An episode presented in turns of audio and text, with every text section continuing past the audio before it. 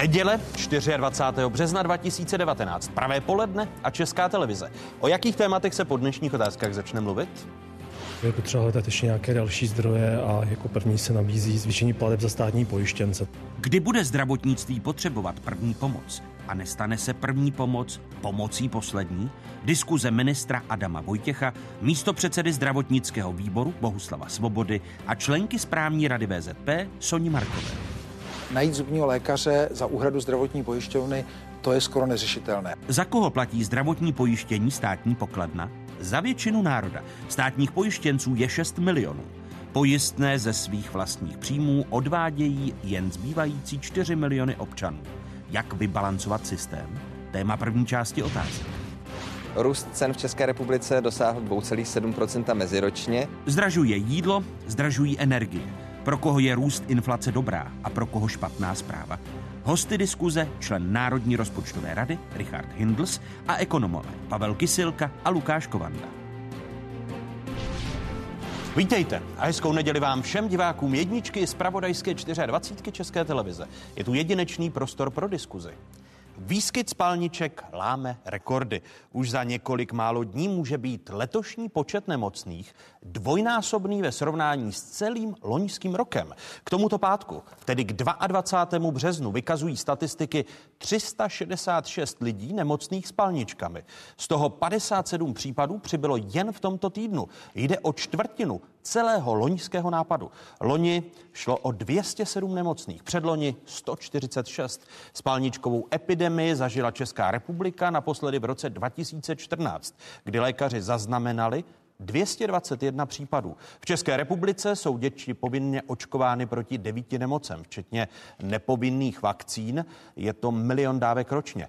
V posledních letech ale přibývá těch, kteří své děti odmítají nechat proočkovat. Za to jim hrozí pokuta až do výše 10 tisíc korun. Proočkovanost společnosti klesá a problém už není jen chřipka, ale zdravotníky trápí i další nemoci, včetně spalníček. Bohužel, a to se ukazuje v těch posledních zhruba třech letech, nám klesá proočkovanost i u očkování, jako jsou očkování proti spalničkám, příušnicím a zarděnkám a tady s tím skutečně něco dělat musíme, protože pokud ta proočkovanost klesla na čísla, která jsou pod 90%, tak už tady nemáme kolektivní imunitu a probíhají ty, ty epidemie, které tady eh, v tuto chvíli vidíme a Evropa je teď poměrně zásadně postižena spalničkami. Máme tady více než 40 tisíc případů, což je číslo, které tady desítky let nebylo. Ministerstvo zdravotnictví chce zvýšit informovanost populace. Chystá pro vakcinační zdravotnický portál. Fungovat měl už loni na podzim. Další termín se posunul na začátek letošního roku a aktuálně ministerstvo zdravotnictví uvádí, že nový web spustí v polovině letošního roku. Prvními hosty dnešních otázek jsou minister zdravotnictví Adam Vojtěch za hnutí Ano. Vítejte, hezký dobrý den. Dobrý den.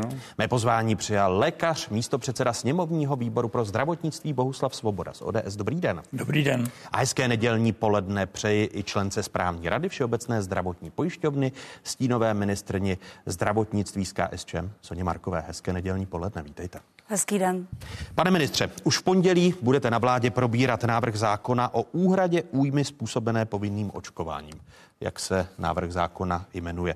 Nakolik může přijetí tohoto zákona eh, snížit odpor proti povinnému očkování? Tak já to beru jako určitý dluh, protože o tom už se hovoří několik let. Eh, ostatně ústavní soud, když projednával stížnosti týkající se povinného očkování, tak vlastně upozorňoval na to, že ano, povinné očkování je legitimní, že stát takto může nařídit tuto povinnost, ale že chybí právě mechanismus na očkodnění uh, újmy způsobené očkování, kdy zkrátka samozřejmě může se stát, uh, byť to jsou jednotky případů, že to očkování má tento negativní efekt. My ten může, dluh... může, může tento dluh, který mm-hmm. se rozhodnete pondělí na vládě splatit, může zvýšit proočkovanost? My věříme, že to může otupit hrany, že skutečně eh, může to přinést určitou garanci eh, těm, kteří zkrátka se obávají, že pokud dojde k nějakému eh, poškození na zdraví, takže stát vlastně v tom nechá. Takže tady si myslím, že to může pomoci, ale samozřejmě je to jenom jeden střípek. My musíme dělat mnohem víc. Jaké samozřejmě... jsou ty další střípky, pokud byste je měl hierarchizovat? Tak jednak musíme dělat osvětu. Já myslím, že přesto, že na tom portálu pracujeme, tak v médiích otázka spalniček rezonuje prakticky každý týden. My se snažíme o tom stále hovořit. Nařídil jsem očkování v našich nemocnicích, protože to je velmi důležité, protože tam jsou skutečně ti zdravotníci, kteří jsou v tom prvním kontaktu s těmi pacienty. To probíhá, takže já myslím, že se snažíme dělat maximum, ale samozřejmě ta situace je špatná v celé Evropě. Když se podíváme třeba do Ukra- na Ukrajinu, tam je 50 tisíc eh, případů. Eh, takže to jsou, a vzhledem tomu, že máme migraci, samozřejmě pracovníků a tak dále, volné hranice, tak ta situace je podle mě komplikovaná, ale snažíme se dělat maximum. Pane docento Svoboda, existují některé kroky, které vám eh, chybějí, které postrádáte od vlády, od ministerstva zdravotnictví, aby se zvýšila proočkovanost v České republice? To zvýšení té proočkovanosti je skutečně velmi obtížná věc. My si musíme uvědomit, že dneska je to vlastně celosvětově módní, že stejný problém mají i Spojené státy. U, u nich narůstají spalničky, narůstají eh, choroby, které se normálně mohou očkovat. A je to skutečně hm, komunikační chyba mezi zdravotníky a eh, veřejností. My si musíme uvědomit, že závažné komplikace po očkování proti spalničkám se vyskytují v 0,8%. 99,2 dětí s tím nemá žádný problém. A musíme si uvědomit druhou věc, kterou je potřeba říkat, že vlastně ta proočkovanost je nutná pro ty děti, kteří nemohou, které nemohou být očkovány. Prostě proto, že jestliže to dítě má nějakou, nějakou komplikaci z, z hlediska imunologie, z hlediska alergie a nemůže být očkováno, tak je bezprostředně ohrožen toto dítě. To jsou ta 3%, která nebyla proočkována nikdy kvůli nikdy. Ano. zdravotním A ty, ty jsou ohroženi, protože skutečně ta možnost infekce klesá až v okamžiku, kdy je proočkováno zhruba 99% dětí. My u nás říkáme 95, hmm. ale dobře víme, že to je dolní hranice ale ani tu dolní hranici už dneska nedržíme, protože máme pročkováno méně než 90%. Ono v pondělí vláda, máme ten dokument na stole, je to eh, návrh ministerstva zdravotnictví, návrh zákona o úhradě újmy způsobené povinným očkováním. Ministerstvo, jak jsem se díval do té důvodové Náhradě újmy. Eh, zprávy, předpokládá zhruba 100 milionů korun náklady na rozpočet. Eh, pane docente Svobodo, občanští demokraté ten návrh zákona podpoří? Ano, tento návrh zákona podpoříme. My jsme opakovaně už na to téma diskutovali ve zdravotním výboru. Je to věc, která se táhne jako taková červená niť naproti té narůstající tendenci proti očkování. To není jenom otázka spalníček, to je otázka očkování obecně, protože eh, ta jediná opravdu solidní karta, kterou ten stát může udělat, že to min, riziko, když je minimálně, bude nějakým způsobem krýt. Uh, Sonio Marková, vy jako komunisté také podpoříte ten návrh zákona a je to jeden, pouze jeden eh, krok pro zvýšení pro očkovanosti populace? Já si myslím, že toto je úplný, úplné naprosté minimum, protože je třeba připomenout, že tento zákon byl slíben už v roce 2015 ministerstvem zdravotnictví a že se ta, ta věc příliš dlouho táhla eh, na to, jestliže teď nyní předkládají eh, z ministerstva zdravotnictví tento zákon, tak je, tak je třeba to přivítat. Mělo to být samozřejmě mnohem dříve, protože v poslanecké sněmovně opakovaně eh, byly přísliby od pana ministra Němečka, od pana ministra Ludvíka, eh, tedy od předchůdců, tedy současného pana ministra, že to už už bude a je to až nyní, což je tedy, je to takový ten nejzákladnější kamínek k tomu, abychom změnili to, ten náhled vlastně rodičů na to, zda dítě očkovat což my říkáme ano, očkovat, protože to je jediná možnost ochrana před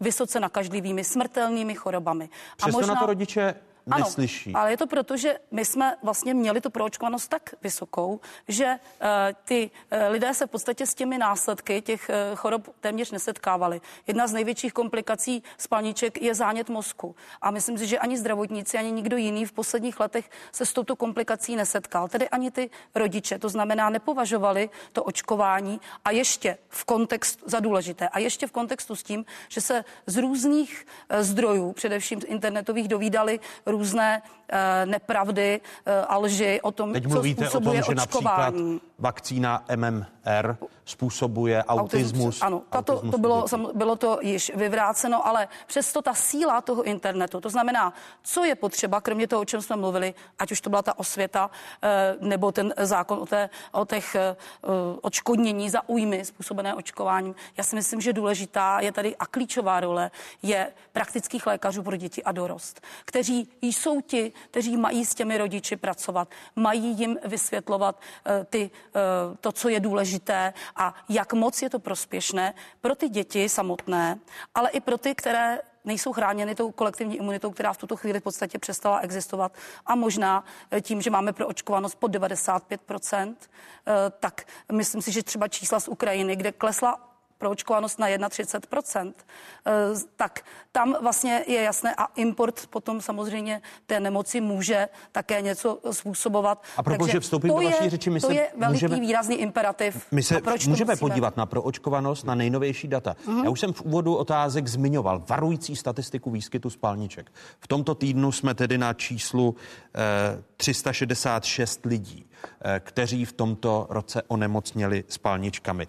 Zhruba 60 případů přibyla jen v tomto týdnu. Největší výskyty spalniček registrují lékaři v Praze, Plzeňském, Pardubickém a Moravskosleském kraji. Eh, srovnáváme opět eh, zatímco letos k 22. březnu 366 nemocných, loni 207, předloni 147 s palničkou epidemii Česká republika zažila, vidíte ten prudký nárůst na grafech otázek, eh, které máme ta data z ministerstva zdravotnictví.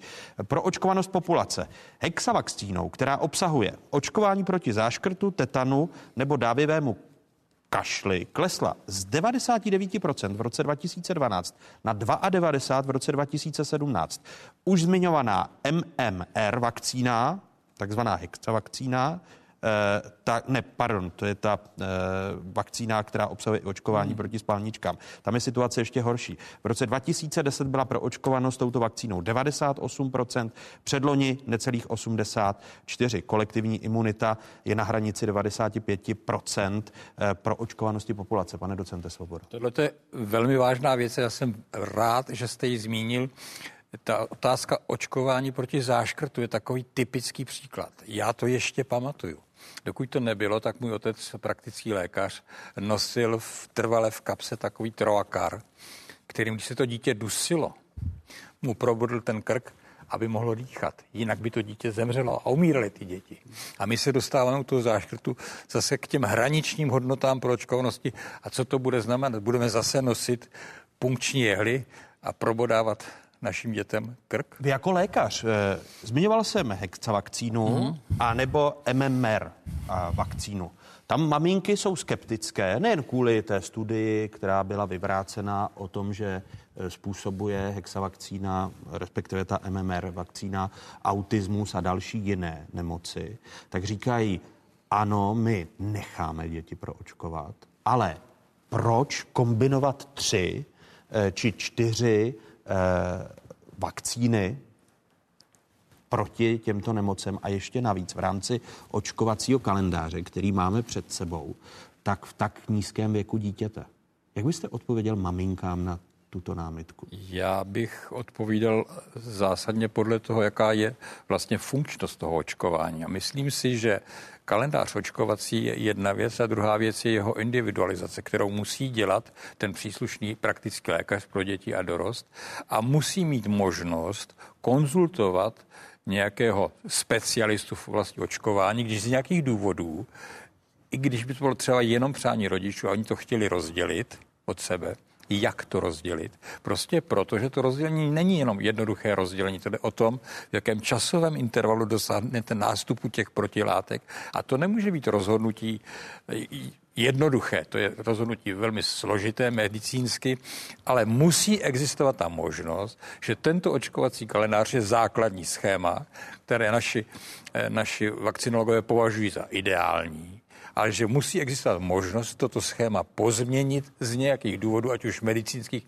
Máte třeba jenom obyčejnou virózu, která vám skočí do toho rytmu očkování nebo nějaká jiná závažná choroba, která to naruší a musíte se tomu přizpůsobit. Čili toto by měla být automatická možnost, že existuje konzultační středisko na to, v jaké podobě individuálně vakcinat, provádět individuální vakcinaci, pokud není tato možná. Pan ministr k proočkovanosti a kdy, kdy se zastaví pokles proočkovanosti populace, jak jsme viděli graf? To je velmi složité říci, ale ta, ta data jsou jednoznačná, jsou velmi varující. A třeba si uvědomit, také to tady nezaznělo, že skutečně spalničky, někdo si pod tím představuje pouze, že to dítě má nějaké červené skvrnky a pak, pak je to v pořádku, ale ty komplikace s tím spojené, že tam může být pneumonie, že tam eh, může být i slepota v konečném důsledku, že skutečně jsou státy, kde se umírá na spalničky. Například na Madagaskaru zemřelo už tisíc eh, pacientů na spalničky, pokud jsou to zkrátka nějací oslabení jedinci, tak to se moc moc eh, neříká, že skutečně spalničky můžou také zabíjet. Takže v tomto máte směru je... vy jako ministerstvo zdravotnictví, abyste maminkám, které protestují proti MMR vakcíně a nechtějí nechat děti naočkovat nebo hekce vakcíně, tak eh, že byste jim dali kolik těch lidí eh, v České republice má výrazné komplikace, když onemocní spalničkami, protože možná ta spalničková epidemie v současnosti, kdy ty nárůsty jsou obrovské, může být výraznou edukací populace. Určitě my ta data samozřejmě máme, my je sbíráme povinně eh, o všech infekčních chorobách, nejenom o spalničkách. Zatím naštěstí těch spalniček spojených s nějakou komplikací je menšina, ale to neznamená, že se nemohou vyskytnout a vzhledem k tomu, že ten počet narůstá, jak jsme si řekli, tak skutečně to nebezpečí existuje a zatím tedy eh, můžu zaklepat, eh, nikdo nezemřel u nás na spalničky, ale eh, může se to stát, takže tady je třeba zkrátka o tom stále mluvit a stále říkat, že je to nebezpečné onemocnění, které je vysoce infekční a že to očkování je jediná zaručená možnost, jak tomu předejít. A na ministerstvu zdravotnictví očekáváte takový nárůst, který jsme viděli v tomto týdnu téměř 60 případů. Do konce tohoto měsíce, podle těch prognóz, budeme mít dvojnásobek nemocných s spalničkami za celý loňský rok. Eh, já předpokládám, že se skutečně v tomto roce můžeme dostat někde k hranici tisíců pacientů, eh, tak jak eh, ten nárůst probíhá. I proto jsem právě rozhodl o tom, aby se očkovali zdravotníci v nemocnicích, abychom zajistili vlastně tu základní péči, protože my víme třeba v minulém roce, co se stalo v Motole, kdy vypadl celý urgentní příjem právě protože se tam vyskytly spalničky. Ti ostatní, co přijdou do kontaktu s tím pacientem, pak musí na sedm dní do karantény a tím pádem se zavře urgentní příjem v takové velké velké nemocnici a to si nemůžeme dovolit. Sonia Marková pak. Já bych docela ráda ještě připomněla jednu věc, že právě eh, vůči těm rodičům, kteří mají ty obavy, vlastně už v roce 2018 došlo k tomu, že došlo ke změně ve schématu toho, hmm. toho oč, povinného očkování právě u té hexavakcíny, to znamená u uh, očkování uh, právě proti uh, zarděnkám, spalničkám a příušnicím. A že vlastně se vychází stříc k tomu, že ta druhá dávka potom se posune až do toho 5. 6. roku. To znamená, stanovilo se, že musí být nějaká ta první dávka do určité doby, protože přesně je potřeba vycházet stříc těm rodičům, vysvětlovat, individuálně se podívat na, ty, na to dítě. A tady je právě ta úloha toho praktického lékaře pro děti a dorost. To je jedna věc. Druhá věc je, bych jenom připomněla, že právě děti do jednoho roku jsou nejvíce ohrožené eh, těmi spalničkami. To je také důležité, aby to, ty, eh, aby to ty, ti, ti rodiče věděli. A jenom eh, co se týká toho ohrožení, tak skutečně eh, máme statistiku, že eh, v podstatě v zemích Evropské unie zemřelo v roce 2017 eh, 37 lidí v Evropě. Takže v naší civilizované proočkované, jenže té 95% proočkovanosti dosahují jenom prý čtyři země, podle statistiky jenom čtyři země v Evropě, takže je třeba na to, na to určitě dbát a konec konců už nám to ohrožuje hasičský záchranný sbor v Pardubickém kraji, jak víme, spalničky, a nebo třeba výrobu, výrobu v jedné z, v jedné z továren v Trutnově, kde se musel omezit právě kvůli Problém je i právě v Moravskosleském kraji, kde v tomto týdnu propukla epidemie. Eh, když jste se všichni tři shodli na tom, že v poslanecké sněmovně nebude problém s přijetím návrhu zákona o úhradě újmy způsobené eh, povinným očkováním, který v pondělí bude schvalovat vláda. Pane ministře, vy v té důvodové zprávě jsem zmiňoval, eh, píšete o zhruba 100 milionů korun, možný pravděpodobný dopad do státního rozpočtu každý rok. Eh, v kolika případech vy očekáváte, že dojde k očkodnění, protože byla povinným očkováním způsobena ta újma. Je třeba říct, že těch 100 milionů skutečně je asi nejpesimističtější varianta ze všech.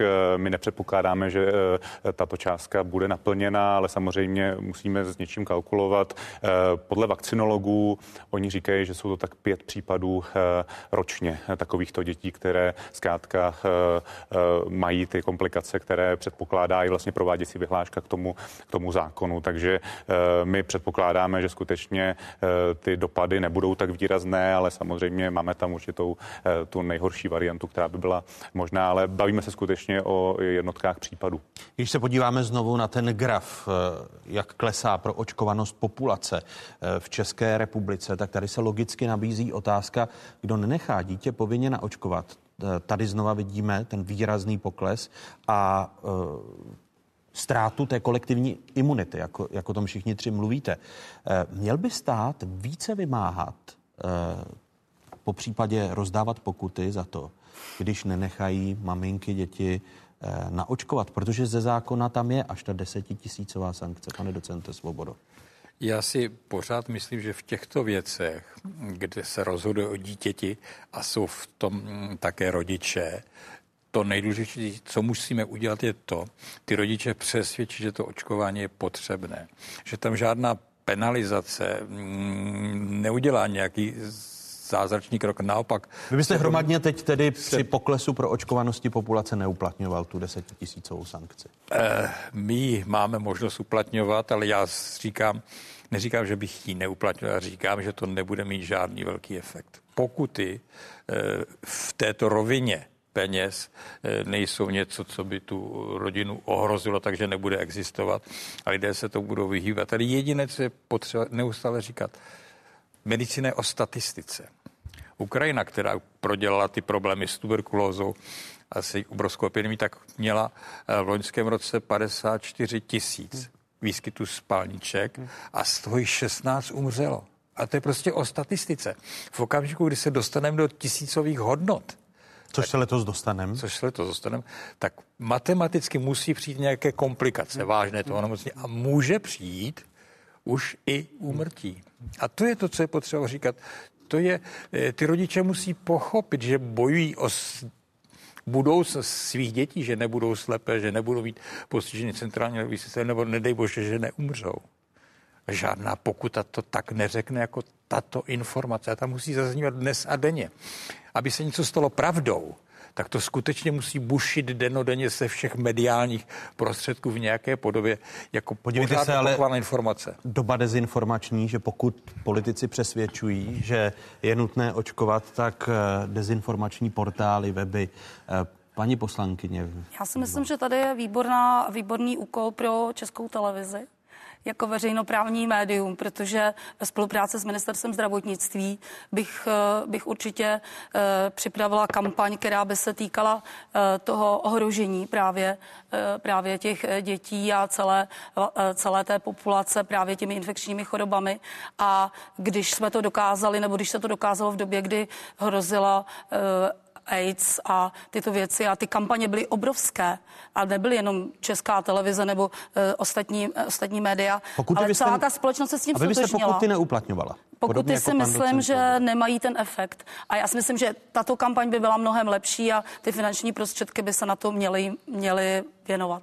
Eh, proto 25 minut už se věnujeme tomuto tématu v nejsledovanější diskuzi v zemi. Pane, Já, pane ministře, těm sankcím, sankce, ono kolik, tom... kolik lidí bylo pokutováno nebo už je pokutováno kvůli tomu, že nenechají dítě naočkovat? Ono tam nejde pouze o ty finanční sankce, oni jsou tam i nefinanční sankce, hmm. které jsou možná ještě citelnější a to, že ty děti, které nejsou očkovány, zkrátka nemohou být přijati do mateřských školek, nemohou jet na eh, školu v přírodě a tak dále. A to si myslím, že možná pak eh, zasáhne ty rodiče více ano. než eh, desetitisícová finanční sankce. A to samozřejmě se a máte uplatňuje... informace jako ministerstvo zdravotnictví, že se uplatňují tyto, tyto sankce, ať už finanční i nefinanční? Uh, že toho využíváme, nefinanční nám... bez sporu ano, protože zkrátka mateřská škola musí mít potvrzení o tom, že to dítě je očkované, jinak ho nemůže přijmout.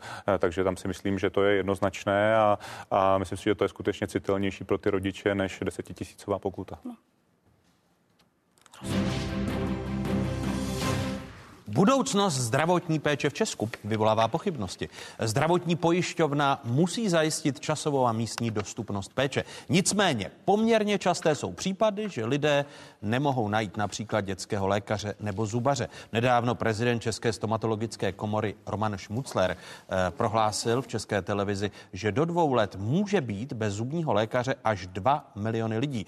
A to proto, že příští rok by mělo jít do důchodu až tisíc zubních lékařů. Ty pojišťovny to nedělají tak jako v Německu nebo v Rakousku, že když 250 nových praxí ročně vznikne, takže řeknou, hele, tady je 1200 adres a vyber si, kde vezmeš 2000 pacientů. Oni řeknou, víte co, volejte si zubním lékařům. A to je z toho důvodu, že eh, zubním pojišťovnám ještě, eh, zdravotním pojišťovnám nikdo ještě neřekl, že se mají o lidi starat, že tu jsou od toho, aby se starali o lidi, které jim platí zdravotní pojištění. Ku příkladu Všeobecná zdravotní pojišťovna chce motivovat lékaře k delší otevírací době ordinací, aby se zvýšila dostupnost péče pro nás, pro pacienty. Pojišťovna chce ordinacím pro dospělé, které svou běžnou ordinační dobu prodlouží nejméně o hodinu, přidat 5% k takzvané kapitační platbě u dětských lékařů a tam 6%. Začnu vás, Sonja Marková, protože vy jste členkou správní rady VZP. Jak systematické to řešení? Já si myslím, že je to velmi dobré a systematické řešení, protože v podstatě doplňuje, doplňuje tu snahu i ministerstva zdravotnictví, které má samozřejmě určité programy na podporu, na podporu praxí, eh, což pan ministr určitě eh, tady řekne, a eh, právě pro praktické lékaře a pro praktické lékaře pro děti a dorost, to znamená v té primární péči, protože na tu se musíme soustředit. Jestliže mluvíme stále o tom, že potřebujeme více finančních prostředků a že nám schází v systému zdravotnictví, tak jedním z, jednou z možností, jak ušetřit, je skutečně soustředit se na, tu, na primární péči, protože potom už eh, nemusí, ty praktičtí lékaři v podstatě zachytí to, eh, co je důležité a nasměrují správně toho pacienta. Takže... A vy myslíte, že to praktičtí lékaři, těch 5% ke kapitační platbě a děčtí lékaři 6% ke kapitační platbě, že to bude hromadný jev, že budou prodlužovat ordinační hodiny, až to zavedete jako VZP? Já si myslím, že má to být tedy od 1. května, to znamená, že uvidíme, jaké budou potom výsledky. Určitě to nebude nějaká hromadná záležitost, ale někdy ta řešení nejsou jednoduchá, že ze dne na den se něco vyřeší, protože jestliže nám tady dlouhodobě víme, že nám stárne populace lékařů a e, ty kroky jsou postupné, ano, navyšuje se počet mediků e, na, na, na fakultách, e, dělají se další podpůrné kroky, svoje kroky dělají i jednotlivé kraje, aby udrželi, udrželi lékaře eh, tam, kde je potřebují mít. Takže je to jeden, jedna, jeden z kamínků, které postaví celou tu pyramidu k tomu, abychom se vrátili k tomu normálnímu jevu, že když potřebují zubního lékaře, praktického lékaře nebo praktického lékaře pro dítě a dorost, takže skutečně tuto péči najdu. Je to více kroků, ale tato, tento krok já považuji za naprosto správný a uh, Všeobecnou zdravotní pojišťovnu chválím. Ještě abyste janila, když jste členkou správní rady. My když se podíváme na seznam oblastí s omezenou dostupností zdravotních lékařů, tak jak ji eh, dalo k dispozici ministerstvo zdravotnictví, tak vidíme jednotlivé okresy, okresy ku podivu v jeho českém kraji Písek, Tábor, Plzeňském, Klatově, Domažlice, jeho Moravský Vyškov, Znojmo, Karlovarský tam v celém kraji. Pane docente Svobodo, eh, jsou ty kroky dostatečné? To znamená možnost požádání o dotaci na ministerstvu zdravotnictví a teď navýšení kapitačních plateb, respektive toho procentuálního vyjádření, které ohlásila Všeobecná zdravotní pojišťovna? Já si bohužel myslím, že stále je to o tom, že řešíme některé výstupové věci a neřešíme princip. Nechme stranou zubní lékaře, to je samostatná kapitola, která se chová úplně jinak na celém světě. Ale ten náš problém není v tom, jestli mají praktici otevřeno do 9 hodin nebo jenom do 4. To je jenom jenom dílčí věc té věci. Ten problém spočívá v tom, že ten praktický lékař se skutečně musí stát gatekeeperem toho systému, že přes něj musí jít celá ta základní diagnostika a ty, ty základy té léčby, tak jako o tom už hovor, my jsme o tom spolu hovořili mnohokrát na předvolebních diskuzích a já o tom, my o tom hovoříme už 20 let. Prostě pokud ten praktik nebude ten, který do toho systému vpouští na základě nějakého vyšetření, který je relativně levný, tak to prostě fungovat nebude. Když tam bude do večera a nebude mít tu pravomoc, aby například eh, kuríroval eh, diabetes, eh, tak to není k ničemu, že tam je. tak tam je jenom proto, aby byli zase dalším článkem, který čerpá peníze a vlastně nic nedělá, protože ho pošle někam dál. Ten praktický lékař musí mít možnost diagnostikovat, léčit, ta jeho kvalita musí tomu odpovídat a za to musí být odpovídajícím způsobem hodnocen. Já dokonce vnímám to, že cesta ke specialistovi by neměla být jiná než přes praktického lékaře. Což by zvýšil počet, zvýšilo počet praktiků, chápu správně vaše eh, Ano, praktik se musí stát základním článkem, nejenom v tom, že to říkáme, ale že skutečně jako základní článek bude fungovat.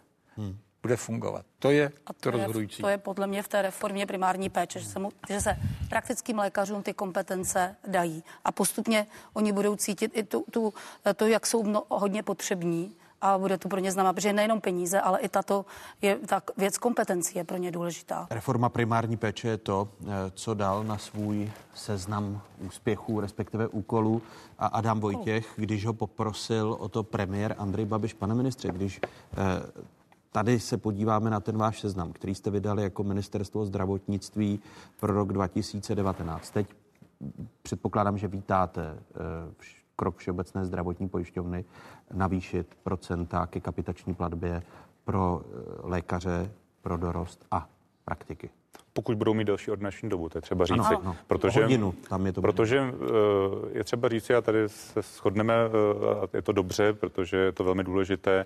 Skutečně pro mě primární péče je naprosto základ a řekl bych v mém vole, ob, volebním období uh, vlajková loď, protože skutečně bez uh, primární péče nebude ten systém fungovat dobře. Uh, my děláme kroky uh, na více rovinách, jednak tedy uh, právě ta otázka, řekněme, podpory praktických lékařů, lékařů, finanční a tak dále, motivace, ale to není jenom o navyšování kapitačních plateb.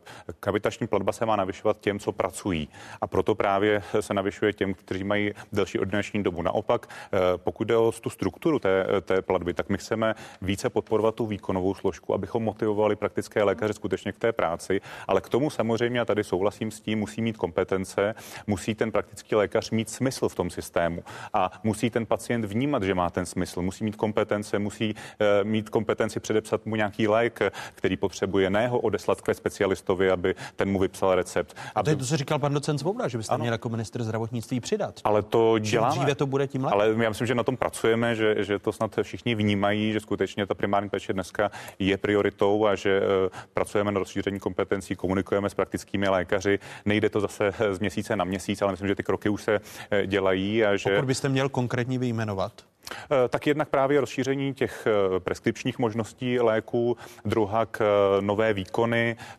Teď aktuálně máme například schodu i s odbornou společností diabetologickou na péči o diabetiky, protože když se podíváme na počet diabetiků u nás, tak dneska jsme někde na milionu pacientů a do roku 2030 to bude milion 300 tisíc podle nějakých výhlídek ÚZISu. A mm, zkrátka není možné, aby všichni ti pacienti zůstali u specialistů, kteří samozřejmě to nemohou zvládnout, takže musíme ty pacienty rozdělit, eh, ty komplikovanější dát ke specialistům a ty, kteří jsou dobře kompenzovaní, méně komplikovaní dát k praktickým lékařům a to může fungovat. Tam samozřejmě my dáváme dnes výkony eh, eh, praktickým lékařům, dáváme jim tu možnost, ale samozřejmě není to ze dne na den, protože tady se něco zanedbalo za těch 20 let a vidíme to na té věkové struktuře. Pokud máme dneska praktické lékaře jako nejstarší odbornost u nás, tak zkrátka my musíme tam dostat ty mladé. A ty mladé zase tam nedostaneme, pokud nebudou mít dostatečnou roli v tom systému. Takže jsou to spojité nádoby, ale pracujeme na tom velmi Já intenzivně. se záhy do, do, dostanu ještě k těm obecným věcem, které se týkají reformy primární péče, ale abychom nezamluvili ten seznam, mm-hmm. který jste vydali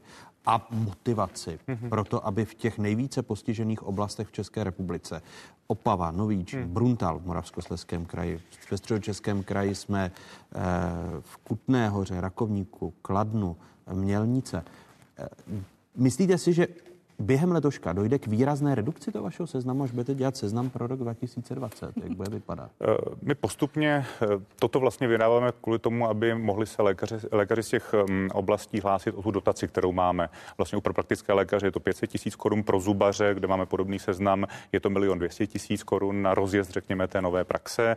My ty dotace postupně přidělujeme. Samozřejmě není to vše spásné. Jaký je o ně zájem z toho? Za ten loňský rok je to asi 23 takových dotací v těch různých lokalitách cestách, ale zase neřekl bych, že to je úplně eh, špatně. Samozřejmě musí se zapojit pojišťovny a dneska VZP s námi konzultuje ostatní pojišťovny, skutečně se snaží bonifikovat, pracovat na síti, eh, protože jsou za to odpovědné, tak aby skutečně cílili tu podporu do těch lokalit, kde ten praktik nebo ten zubař není. A na druhou stranu musíme si uvědomit, že třeba pro zubaře v tomto roce se navýšily úhrady o 2 miliardy korun, o 17% Myslím si, že nikdy neměli takové to navýšení úhrad, takže my budeme samozřejmě chtít, aby ty zubaři také se na tom podíleli. Dojde k redukci, výraznější redukci toho seznamu během letošního roku? Jak dlouhý bude ten seznam? Velmi těžko bych takto hádal, ale doufám, že k nějaké redukci dojde a že, že zkrátka těch lokalit, kde ten praktik nebo ten zubař není, eh, bude méně. Jste spíš eh, pesimista, ne? Ne, nejsem, nejsem pesimista, jsem, jsem realista, že samozřejmě nemůžeme všechno zvládnout za jeden rok. Myslet si, že zkrátka změníme systém za jeden rok eh, úplně nejde, ale pracujeme na tom si myslím velmi intenzivně, ale to je o roli pojišťoven, o roli ministerstva, o roli krajů, o roli obcí, protože ten mladý praktik, pokud zkrátka mají do nějaké lokality, tak i z různých průzkumů vyplývá, že potřebuje, aby jeho partner tam měl práci, že potřebuje, aby jeho děti tam měly eh, školu a tak dále. Takže ono je to skutečně mnohem komplexnější než jenom o těch penězích. Co vám v té reformě primární péče Sonja Marková chybí? Možná i tak v tuto chvíli my neznáme přesné znění toho, jak ta reforma bude vypadat. Samozřejmě, protože o ní se hodně mluví. A je potřeba říci, že to, že tu reformu potřebujeme... Pana ministra neznáte? Eh, pana ministra znám, ale tu reformu úplně ne, takže uh, úplné podrobnosti, on... podrobnosti ještě neznám. Nicméně to, co bylo naznačeno, alespoň v těch veřejných jaksi, eh, prostředcích sdělovacích, tak si myslím, že to je krok správným směrem.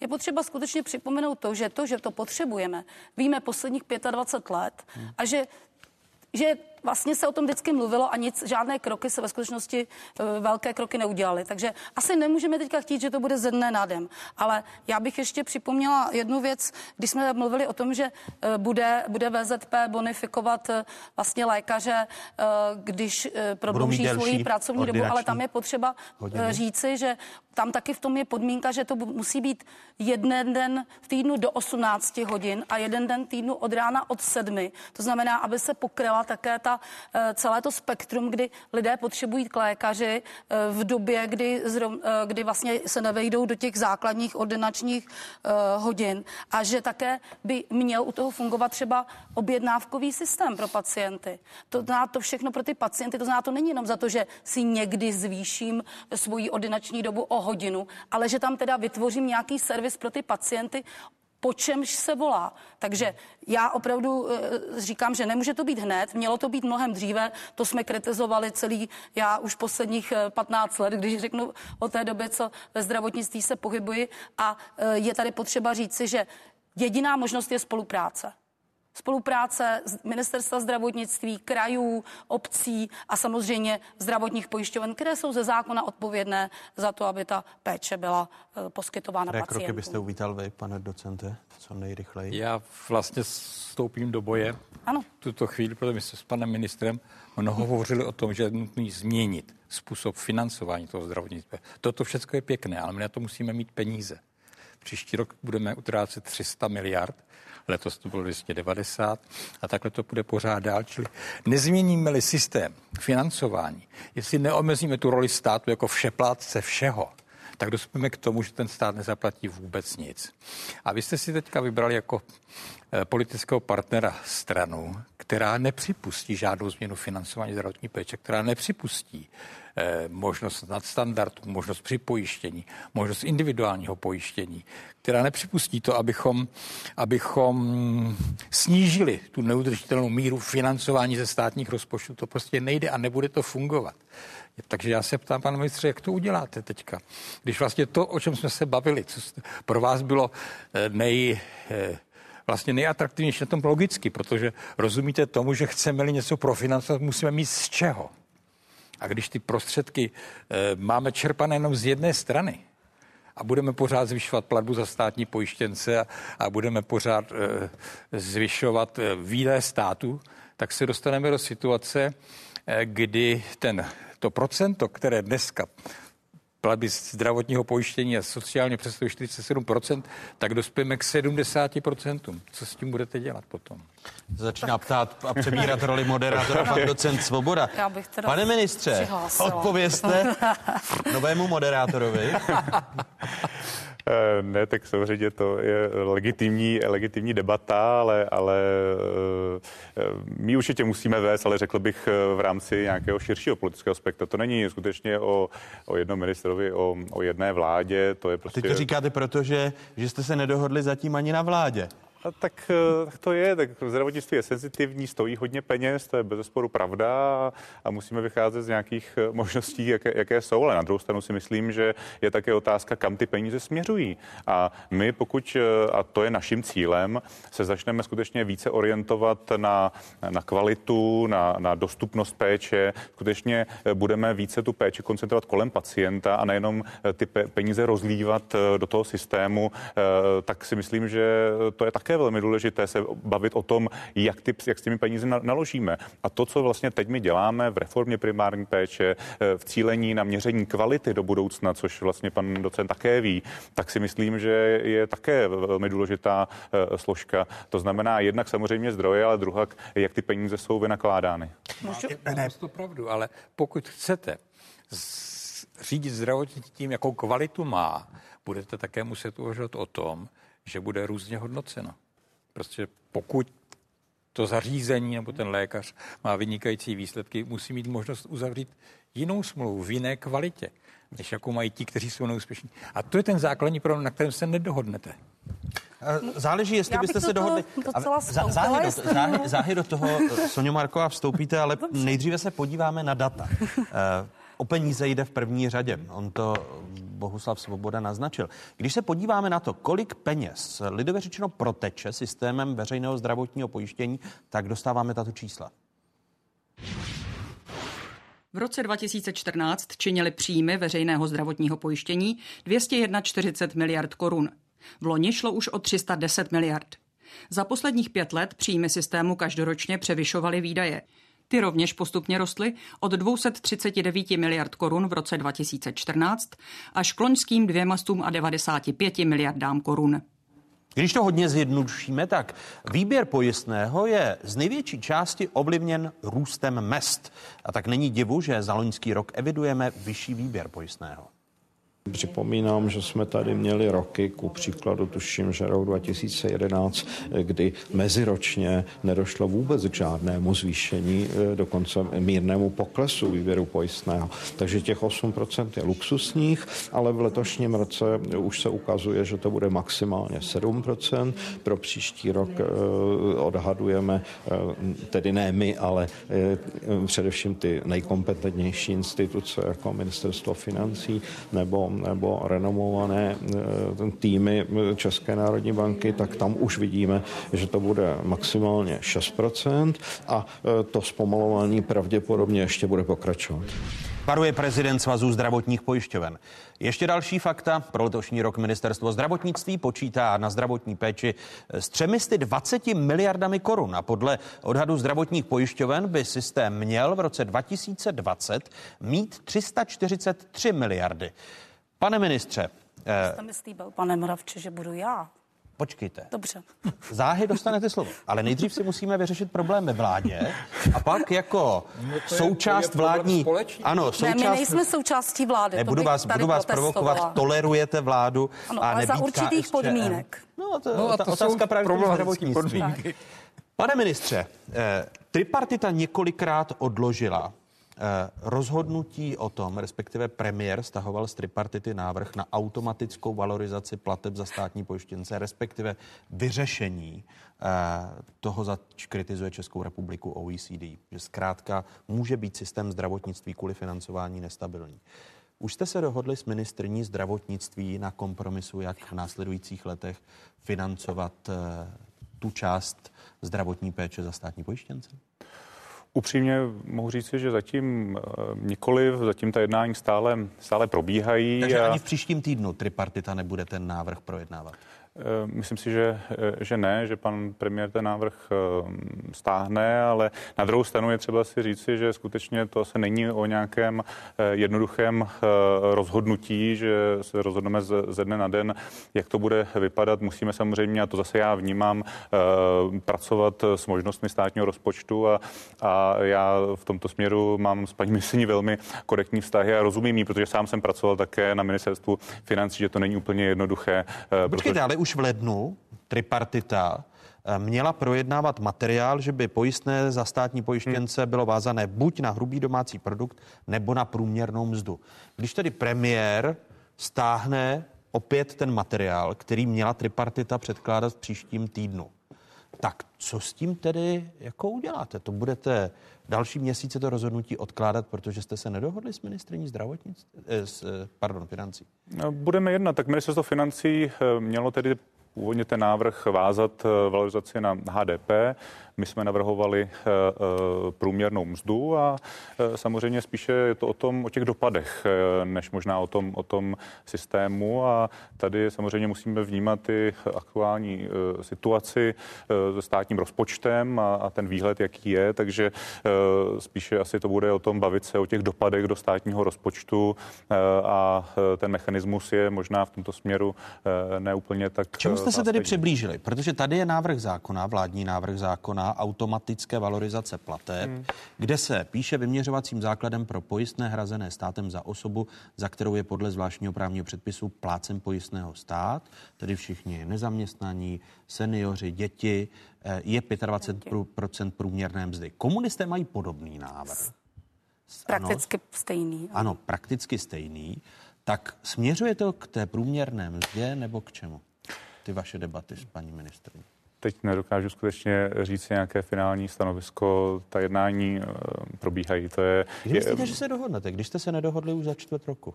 Během tohoto čtvrtleku? Já bych byl rád, abychom se dohodli skutečně, řekněme, možná do léta, protože ten čas běží a je pravda, že musíme eh, řešit, co bude v roce 2021, protože aktuálně... Jinými slovy, ještě máte čtvrt roku k dispozici, když jste se nedohodli. Myslím si, že, myslím si, že ještě nějaký čas existuje. Kdy přichází chvíle pro vás, eh, protože tady je eh, automatická valorizace a návrh zákona, který jste předložili vy jako KSČM a tady máme opět plácem pojistného stát 25 ano. průměrné mzdy vždy za druhé čtvrtletí předchozího kalendářního roku. Co říkáte odkládání toho návrhu pro tripartitu? Tak za prvé, teď mám teďka tu možnost, abych eh, vlastně se zareagovala i na které věci, které tady proběhly. Eh, my jsme ten návrh zákona dali panu ministrovi trošku jako vánoční dárek, protože my jsme to, toto předložili do poslanecké sněmovny Zdá již se, že pan před Vánoci. To, ano, pan ministr ano. to zjevně považuje ano. za vánoční danajský ano, ano. dárek, protože... To nevím, to nevím, ale je třeba říci, že já osobně jsem tento návrh zákona na automatickou a pravidelnou valorizaci plateb plateb za státní pojištěnce předkládala už v roce 2016. Takže my jsme my jsme to a dokonce opakovaně nejenom jako zákon, ale i jako pozměňovací návrh do otevřeného zákona, protože jsme se domnívali, že to, jak je to nastaveno, že to je v podstatě na vůli někdy z vůli vlády, jak e, vlastně valorizuje ty platby, takže není správné a že pro e, zdravotnictví je důležité, aby zde existovala stabilita a předvídatelnost příjmu. To si myslím, že by měli přivítat e, všichni. Takže proto jsme to předkládali, předložili jsme to znovu. Pan minister to může jenom uchopit a můžeme to projednávat. Ale je to, je to samozřejmě na něm. No počkejte, pan Důležitý... minister to, promiňte, p, pan minister to nemůže úplně uchopit, protože pokud by ten návrh prošel, jestli se dívám do, do těch materiálů správně, tak by bylo zapotřebí mezi roky 2020 a 2021 navýšit platby za státní pojištěnce o 14 miliard korun a pak by každý rok rostly o 4,5 miliardy korun do roku 2022. To je asi to, proč není dohoda s ministerstvem financí, protože paní ministrně Šilerovou by obrazně řečeno ranila mrtvice. To nevím, ale každopádně je třeba počítat s tím, že navyšování finančních prostředků do zdravotnictví je normální. Musíme to tak brát. Je to potřeba. Těch 14 tak miliard třeba i těch 14 miliard, ale možná může to být méně Ale musíme se dohodnout na tom vzorci, že budeme automaticky pravidelně valorizovat, protože i odborníci na finance se shodují na tom, že ten fiskální prostor, který eh, české zdravotnictví potřebuje a je to pro něj vhodné a máme to za 30 let vyzkoušeno, je právě, jsou dvě části. To znamená jedna část valorizace plateb za státní pojištěnce a také to procento z příjmu ekonomicky aktivních osob. Že se to musí, že tam prostě tyhle věci můžou, mohou být. Proto, když trošku budu předbíhat, nápad na to, že nebudou platby za státní pojištěnce, je naprosto zcestný. Ten Ale... my nemůžeme přijmout. Ano, a, a promiňte, jenom ano. tady do toho vstoupím, že si poslechneme ministrni financí Alenu Šilerovou, protože debata o zrušení plateb za státní pojištěnce a zároveň zrušení takzvané superhrubé mzdy a s tím související změny v daňovém systému, tak ty v tomto pořadu uh, odpískala lidově řečeno ministrně Šilerová, protože na místo 15% ze superhrubé mzdy 19% z hrubé mzdy uh, tuto ministrni, uh, tuto debatu ministrně financí nastartovala. Připomeňme si její slova.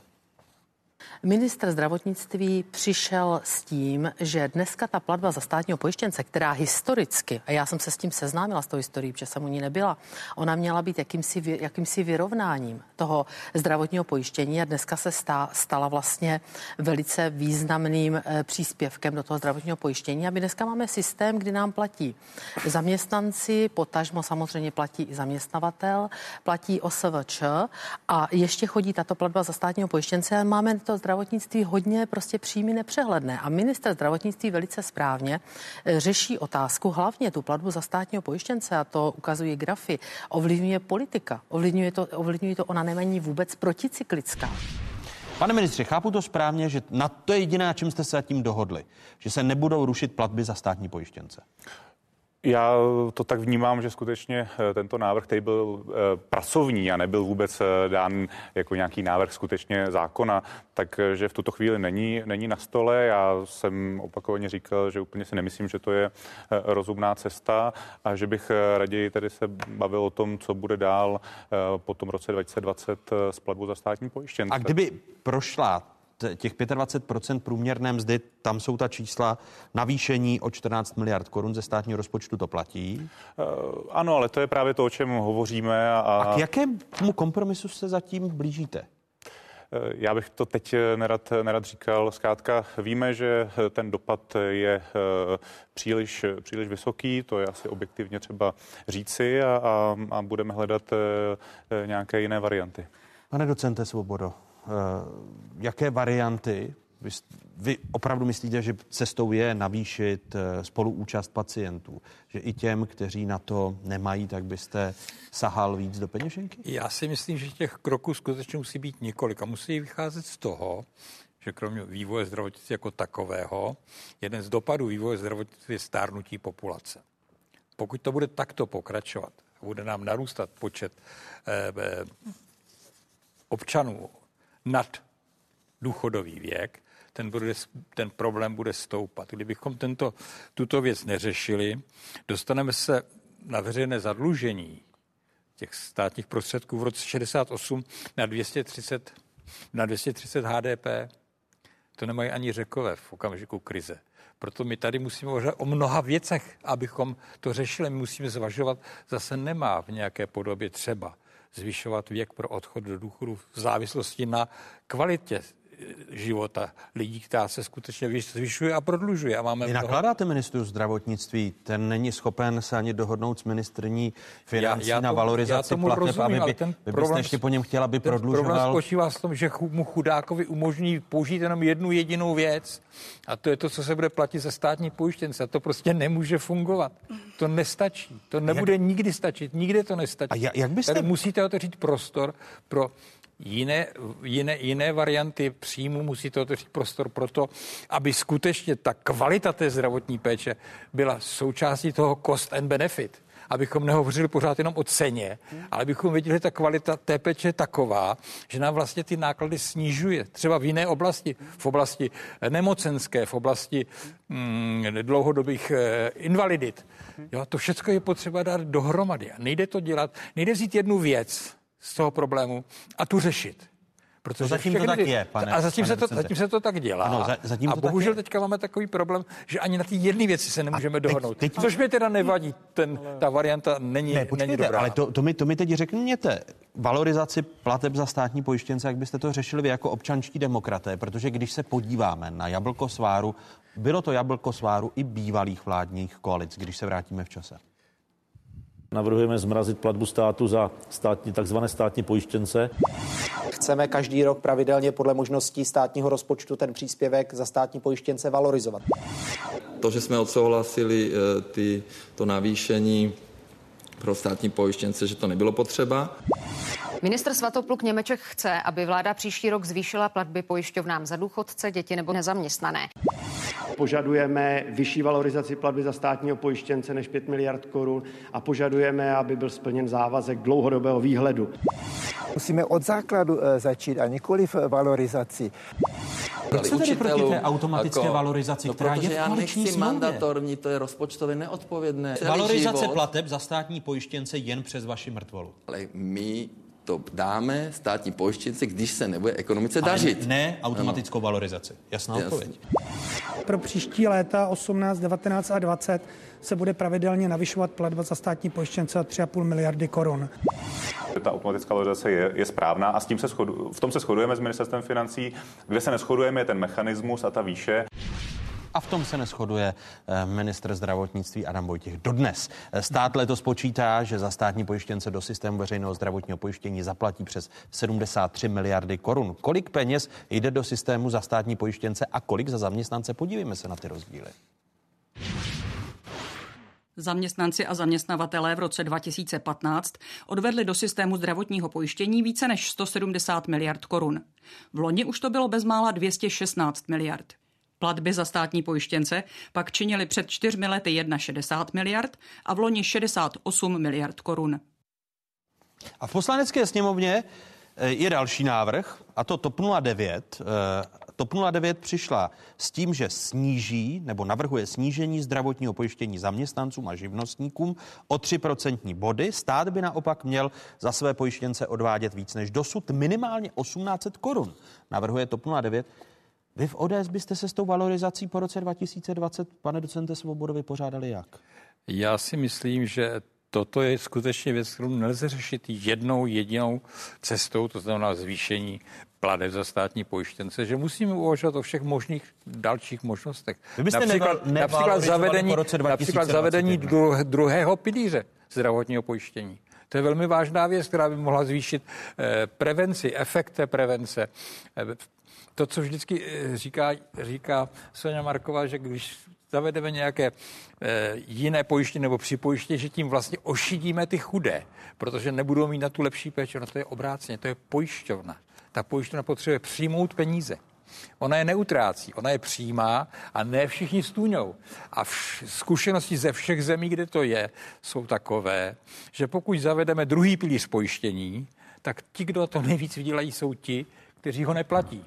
Prostě protože ta e, kvalita té péče nebo rozsah té péče se automaticky zvýší s tím větším nástupem těch prostředků tam. A to je ten základní rozdíl, který se potřeba uvědomit. Jinak to nebude fungovat. Já to ne... Marková jen kroutí očima. Ano, ano, i kroutím hlavou teda taky. Samozřejmě my jsme těch debat na toto téma měli příli, jako hodně, ale já bych jenom chtěla říct, že Státní pojištěnci čerpají v podstatě 80% péče, ale ta, to, co se za ně odvádí, je v podstatě čtvrtina těch finančních prostředků. To znamená, ta navyšování je jasné a my, nám těch lidí bude přibývat. Jenom když jsme mluvili jako o těch KSČM, lidech na 65 let. Co budete dělat jako prostě KSČM, když tolerujete vládu a zdá se, že ministr zdravotnictví nemá tu sílu prosadit eh, ten jeho původní návrh automatické valorizace, který byl jednovětý a to je ta věta, eh, že jde o vyměřovací základ, který je 25% průměrné mzdy. Tuto chvíli si myslím, že není na stole to, že bychom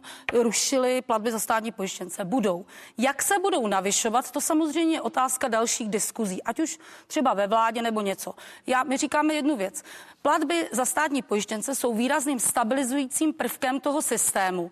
A v době, kdy bude případně bude se ocitné země v krizi hospodářské, tak jak tomu bylo po roce 2008, kdy vlastně přibývalo nezaměstnaných a e, přibývalo e, tedy i těch vlastně státních pojištěnců, tak tato platba, a jsou na to tabulky, které jsou vypracované, tato platba v podstatě umožňovala, aby se ten systém vůbec nezhroutil. Ano, Takže ministrně od toho ustoupila stejně jako toho, pan premiér. Ale a určitě si... pan minister nebude ustupovat od toho, že by, že by uh, vlastně se zrušily platby za státní pojištěnce. Konec konců to nechce nikdo uh, z toho politického spektra. A ale, jenom si připojmeme, co se ale stalo. co se tedy stane s tou valorizací? Jaký je požadavek KSČM, když tolerujete vládu na vládu a na ministra zdravotnictví? My budeme trvat na tom, aby ta valorizace těch plateb za státní pojištěnce byla, Protože pokud nebude, ten systém se může destabilizovat. To znamená, a bude nárok na to, co tady říká pan kolega, a či, že promiňte, se navýší spolučast pacientů a, z čeho se to má odvozovat? nesouhlasíme. Z čeho se to má odvozovat? Od 25%? Ano, tak jak my to navrhujeme, ale jsme ochotní o tom jednat. Čili o druhém pilíři jste ochotní jednat? Ne, jsme v tom případě vaše pilíři vláda nemá řešení. Ne, uh, nemůžeme jednat Musíte v tom případě, že v tuto chvíli stranu. je většina lidí, kteří skutečně na nějaké připojišťování a další věci nemají finanční prostředky. Já to nechci pojišťovat. Takže, pane, pane ministře, tak druhý pilíř může být v téhle rovině a s tím my nesouhlasíme. Zatím. Eh, já si myslím, že a tady souhlasím s tím, že nemůžeme řešit pouze jednu konkrétní věc, valorizace za státní pojištěnce. To je samozřejmě jeden, jeden prvek. Musíme samozřejmě ten systém řídit, ale celkově. Když se podíváte například na to, jak se nám podařilo navýšit rezervy zdravotních pojišťoven, kdy prostě v minulém roce eh, systém skončil v kladném saldu 14,5 miliardy korun, to je taky velmi důležité, abychom ten systém měli stabilní, to znamená, my musíme ten systém řídit, musíme cílit na efektivitu, takže není to jenom o tom, jestli navýšíme platby za státní pojištěnce. Jinými slovy, máte ještě čtvrt roku s ministrní na to, abyste se dohodli. Zdravotnictví podle vašich představ. Budeme, budeme jednat, ano. Uh, Připněte si na spravodajskou 24. Prvními hosty otázek Adam Vojtěch, Bouslav Svoboda a Sonja Marková, diskuze o zdravotnictví. Děkuji vám. Děkuji. Eh, po stručných zprávách pokračujeme právě na Spravodajské 24. Řeč bude o vašich penězích, eh, také o tom, jak jsme na tom se stavem ekonomiky. Ekonomika zpomaluje nejen v České republice, komu bude líp, komu hůř. Eh, naše pozvání přijali dva ekonomové, Pavel Kysilka, Lukáš Kovanda a také člen Národní rozpočtové rady Richard Hindl. Přepněte si, pokračujeme po stručných zprávách, loučíme se s diváky jedničky.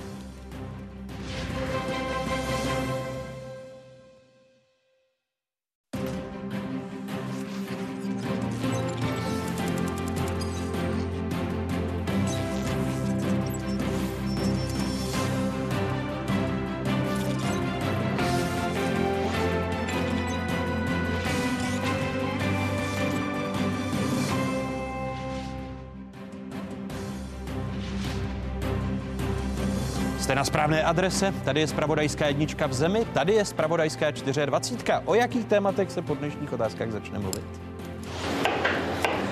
V průměru zhruba to zdražení vychází 2 až 3% ročně. Jestli se bude nadále zdražovat, tak určitě zareagovat musíme. Brambory jsou nejdražší za posledních pět let. Kromě potravin platíme víc i za bydlení a energie. Jaké jsou vyhlídky domácího i státního rozpočtu? Diskuze ekonomů Richarda Hindlse, Pavla Kysilky a Lukáše Kovany rostou v letošním roce trochu obavy ohledně dalšího vývoje tuzemské ekonomiky, případně celé globální ekonomiky. Německo zpomaluje, Čína slábne, ve vzduchu visí celní konflikt se spojenými státy americkými nebo odcházení Velké Británie z Evropské unie. Jak to vše poznamená tu zemskou ekonomiku? Další téma druhé části otázek. Ještě jednou vám všem, divákům z Pravodajské 24. hezké nedělní odpoledne. Stále zůstáváte v jedinečném prostoru pro diskuzi. Inflace překvapila. Ceny rostou rychleji, než se předpokládalo. Překvapení jsou jak analytici, tak i centrální bankéři. Meziroční růst spotřebitelských cen v únoru zrychlil na 2,7% a z lednových 2,5%. Výraznější byl růst cen naposledy v říjnu roku 2017. V rozporu s očekáváním se v únoru vyšvihly ceny potravin, především pak zeleniny a pečiva. A inflace má ještě zrychlit. V březnu nebo v dubnu by se mohla dotknout už 3%. Jaký vývoj inflace předpovídá? Předpovídala centrální banka letos v únoru? Na počátku letošního roku se dočasně zvýší, avšak již v následujícím období se bude opět nacházet v těsné blízkosti 2% cíle. Přetrvávající, přetrvávající výrazné domácí inflační tlaky nadále odrážejí zejména napjatou situaci na trhu práce. Tu charakterizuje vysoký růst mest a velmi nízká nezaměstnanost. Únorová slova guvernéra centrální banky Jiřího Rusnoka. Vyšší inflace může tlačit centrální banku k dalšímu zvyšování úrokových sazeb. Eh, jednat by o tom centrální bankéři měli už tento čtvrtek. Oslabování hospodářského růstu v eurozóně, ale například i varovné signály ze Spojených států amerických mohou odsouvat zpřísnění měnové politiky centrální banky. Dalšími hosty velké ekonomické diskuze jsou člen Národní rozpočtové rady Richard Hindles. Vítejte, pane profesore, hezký dobrý den.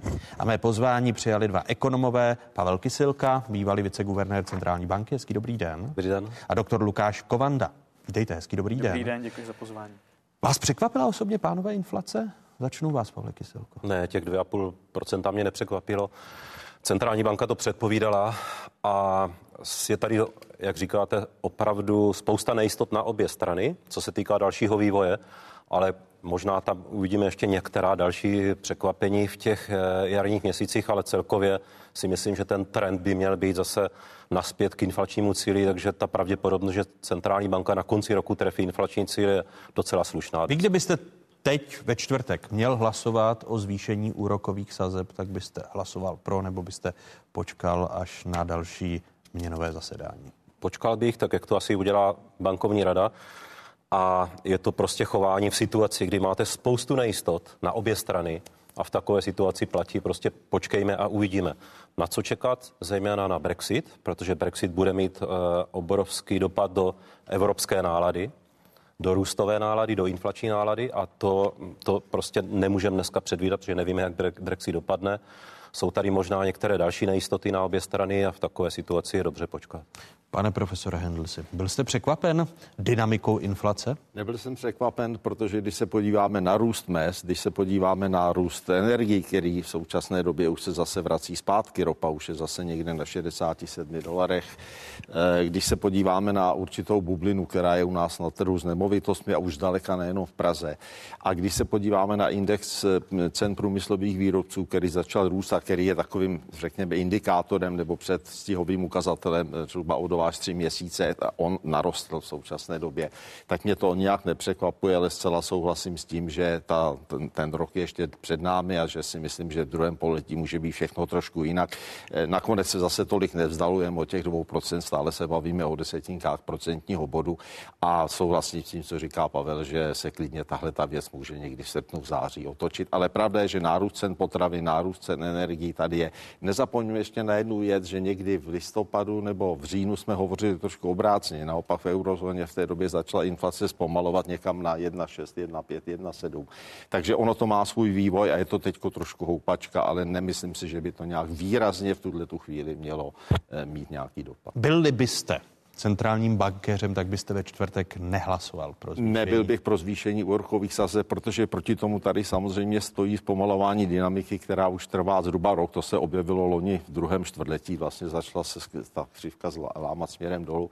Takže z tohohle pohledu si myslím, že bych v tuhle tu chvíli dal přednost ekonomickému růstu před, eh, řekněme, nějakým regulatorním opatřením. Lukáš Kovanda, před čím by dál, komu by dal přednost? Zvýšení sazeb nebo rychlejšímu růstu?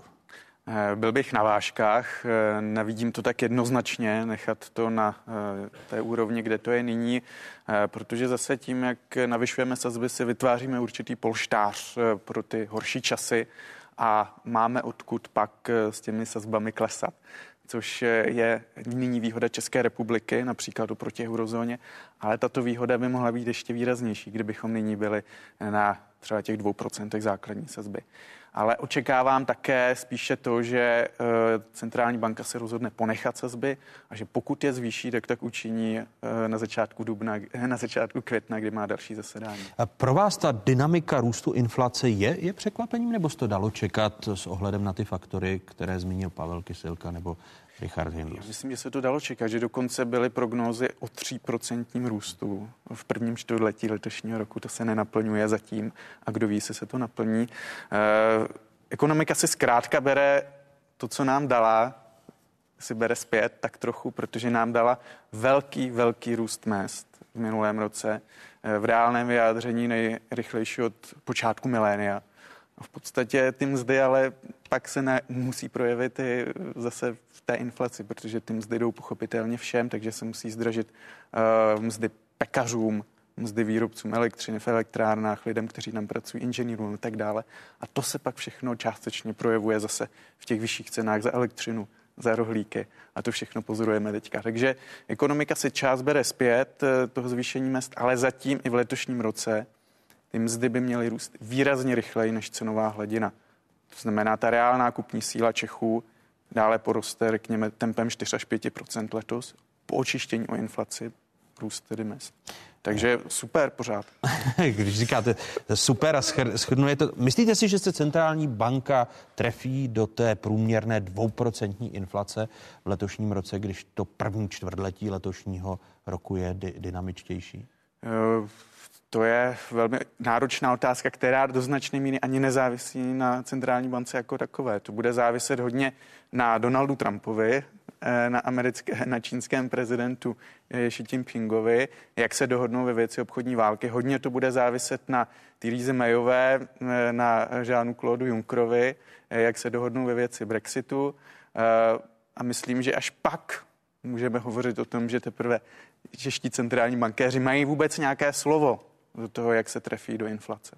To je tolik proměných, vy všichni tři už jste to naznačili. Když si zrekapitulujeme, jak se vyvíjela inflace a záhy se podíváme i na atmosféru na pracovním trhu, tady jsou data. Meziroční růst spotřebitelských cen v únoru zrychlil z lednových 2,5 na 2,7 Výraznější růst cen zaznamenala statistika naposledy v říjnu 2017. Na zrychlení inflace se podílelo hlavně zdražení potravin a vyšší náklady na bydlení. Za poslední půl rok se meziroční míra inflace pohybovala mezi dvěma a dvěma a půl procentem. Ve vyšších cenách se odrážejí vyšší platy, vyšší náklady podnikatelů. Nejmarkantněji je to vidět ve službách, protože právě služby jsou nejvíc citlivé na měnící se trh práce. Podívejme se data právě z trhu práce. Nezaměstnanost v únoru po dvouměsíčním růstu klesla na 3,2 Bez práce bylo asi 241 tisíc lidí. Jde o nejnižší únorovou hodnotu od roku 1997. Počet volných pracovních míst naopak vzrostl na 333 tisíc. V loni v únoru činila míra nezaměstnanosti 3,7 Nejnižší byla v listopadu 2,8 do toho tedy sledujeme poměrně pesimistické odhady nebo zhoršující se odhady vývoje německé ekonomiky. V tomto týdnu ku příkladu eh, ekonomičtí poradci německé vlády snížili odhad letošního růstu německé ekonomiky na 0,8% z 1,5%. Eh, v tomto týdnu výnos desetiletých amerických státních dluhopisů poprvé od krize před deseti lety klesl pod výnos tříměsíčních dluhopisů, přičemž růst výnosu krátkodobých dluhopisů nad výnos dlouhodobých obdobích je považován za předzvěst recese, Můžeme se jí vyhnout, pane profesore Hindl? Němci mají dokonce desetiletý dluhopis, teď už lehce mínus, nepatrně mínus, tak to už je skutečně situace, která není úplně běžná. Já si nemyslím, že bych tuhle chvíli ještě šlo o recesi. Pokud je o konkrétně o Německo, tak ve třetím čtvrtletí německá ekonomika skutečně zpomalila. Eh, ten růst byl záporný. Eh, pokud je o čtvrté čtvrtletí, tak se těsně vyhnula tomu, čemu říkáme technická recese, protože se pohybovala o pár deset nebo setinek spíše nad nulou, takže nebyla to ta dvě čtvrtletí čtvrtletí, která by měla záporné znamínko. Eh, je pravda, že eh, německé instituce snižují odhady, ale už jsem také četl odhad IFO, Institut for Economy v Míchově, který říká, že by se to mohlo v druhém pololetí zlepšit. Eh, Německu výrazně poklesla zahraniční poptávka, to je to, co Německo jako obrovskou ekonomiku, to, co Německo drží nad vodou. A obavy existují, a to je možná ten důvod, proč se takhle bavíme, je o to, že by se mohla zhoršit i domácí poptávka. Už to vidíme na poklesu prodej aut. Německo je fenomén v automobilovém průmyslu. Eh, otázkou je, eh, jsou tam určité problémy s chemickým průmyslem v Porůří a v Poríní. To všechno by mohlo, mohlo nějakým způsobem snížit výkon ekonomiky Německa. Že by šlo přímo o recesi se mně nezdá a docela ta úvaha o tom, že by se mohl ten růst, řekněme, od druhého, třetího, čtvrtého čtvrtletí zase malinko pootočit zpátky, možná určitým způsobem eh, významná je. Pravda je, že to, co bude v Německu, čeká nás nás všechny, to si nedělejme, je to, myslím, čtvrtá nebo pátá největší ekonomika světa, tak si nedělejme iluze, že bychom ustáli nějaký problém, který by nastal v Německu, ale myslím, že v tuhle chvíli ještě předčasné tohle to říci. Pravda je, že už delší dobu Evropská komise Německu vyčítá nedostatečnou investiční aktivitu. Když se podíváme na přírůstek hrubé tvorby fixního kapitálu, na vývoj eh, tempa růstu HDP, tak ten se snižuje a to samozřejmě není dobrý signál. To není dobrý signál nikdy. A jestliže se takový signál objevil v Německu, tak možná. A vy, vy jste opti- op, proč jste optimista? Eh, si tu optimističtější variantu, protože bych mohl teď na reálných datech, nejen z německé, ale i z čínské ekonomiky, o čemž budeme mluvit, bych vám mohl spíš dávat ty pesimistické. Eh, není to možná úplně můj optimismus, já spíš eh, komentuji to, co jsem také zaslechl nebo začetl někde na, na webech. Eh, já si stále myslím, že se Německu, pod, pokud bych mám měl odpovědět přímo, tak si myslím, že se Německu podaří udržet tu domácí poptávku. To je pro Německo v tuhle tu chvíli klíčová záležitost, protože Německo je klasickou stabilizovanou ekonomikou s vysokým podílem výdajů na konečnou spotřebu domácností a pokud se tohle to podaří udržet, tak si myslím, že by se Německo nemuselo dostat tak dolů, jak to vypadalo v tom třetím, čtvrtém čtvrtletí. Ale ta hrozba tady je, to s vámi Václave souhlasím, že to riziko tady je a chtít tuhle tu chvíli říct jasně, bude to od září takhle asi velmi obtížné. Riziko recese nebo eh, možná rizika recese budou zmírněna tím, že Brexit dopadne dobře, že se podaří navýšit spotřebu v Číně, že bude odvrácena eskalace obchodní války mezi Spojenými státy a Čínou. Lukáš. Do značné míry ano. To je ten klíčový rozdíl oproti té krizi před uh, už vlastně 11 lety, 10-11 mhm. lety, kdy uh, to byla obecná krize důvěry. Nyní to znamená, ta krize byla ryze ekonomická svým způsobem, protože vznikala ryze v ekonomické doméně. Nyní, nyní je to vlastně krize do velké míry politická. Víc samozřejmě ty dva světy nikdy nelze od sebe oddělit. Ale podívejte se, kdybychom si teď tady sedli ke stolu a byl tady Trump, Xi, Juncker a Mayová a dohodli jsme se během tohoto odpoledne, že se máme všichni rádi, že skončíme s obchodním válčením, že eh, Brexit vyřešíme tak, jak je nejlepší, ne z hlediska politiky, ale z hlediska ekonomiky. No tak během jednoho odpoledne uh, máte vyřešeno velkou porci toho, co nyní tu ekonomiku globální tlačí dolů. Já vím, je to naivní představa, jenom tím chci demonstrovat to, že řada těch problémů, které nyní jsou ve světové ekonomice, jak se vyvolána politiky, politicky a že to nejsou bytostně ekonomické problémy. Bytostně ekonomické problémy nejsou zdaleka tak silné, byť třeba čínské zpomalování je bytostně ekonomický problém, ale nejsou zdaleka tak silné jako před těmi 10-11 lety. Což mě trochu nabíjí určitou pozitivní vírou. Proto byste nemluvil o recesi, která se blíží, podíváme-li se to, to nemůžu na ty vyloučit. indikátory. I, I politici můžou vyvolat recesi, dokonce ještě eh, závažnější, fatálnější, než eh, co mohou vyvolat trhy, ale v tuto chvíli já pořád věřím, že se nakonec eh, ukáže, jak tady naznačili pan pan profesor Hindles, že se nakonec ukáže, že jsou to do značné míry přechodné jevy. Třeba Donald Trump příští rok chce být znovu zvolen. Bude teďka nějakým způsobem hrotit obchodní válku, která jeho sama samotného poškozuje, protože se vlastně tak trochu i Spojené státy střílí do nohy, do obchodní válku. Já si myslím, že ne. Že nějakým způsobem je i v jeho zájmu, stejně jako v zájmu Pekingu, eh, ten vyhrocený současný stav, alespoň trochu uklidnit. Eh, když se podíváme na Eh, prognózu a chování ekonomik, tak ekonomiky oproti loňskému roku zpomalují. Tady se podíváme na prognózy Česka, Německa, Číny. Ministerstvo financí na začátku roku odhadovalo letošní růst na 2,5%. Pro příští rok na 2,4%. Čína má letos růst o 6,2%, příští rok pak o 6%. Tempo růstu německé ekonomiky by se letos podle odhadů OECD mělo pohybovat kolem 7 desetin procenta a příští rok překročit 1 procento. Tedy logicky, Pavle, je otázka na vás.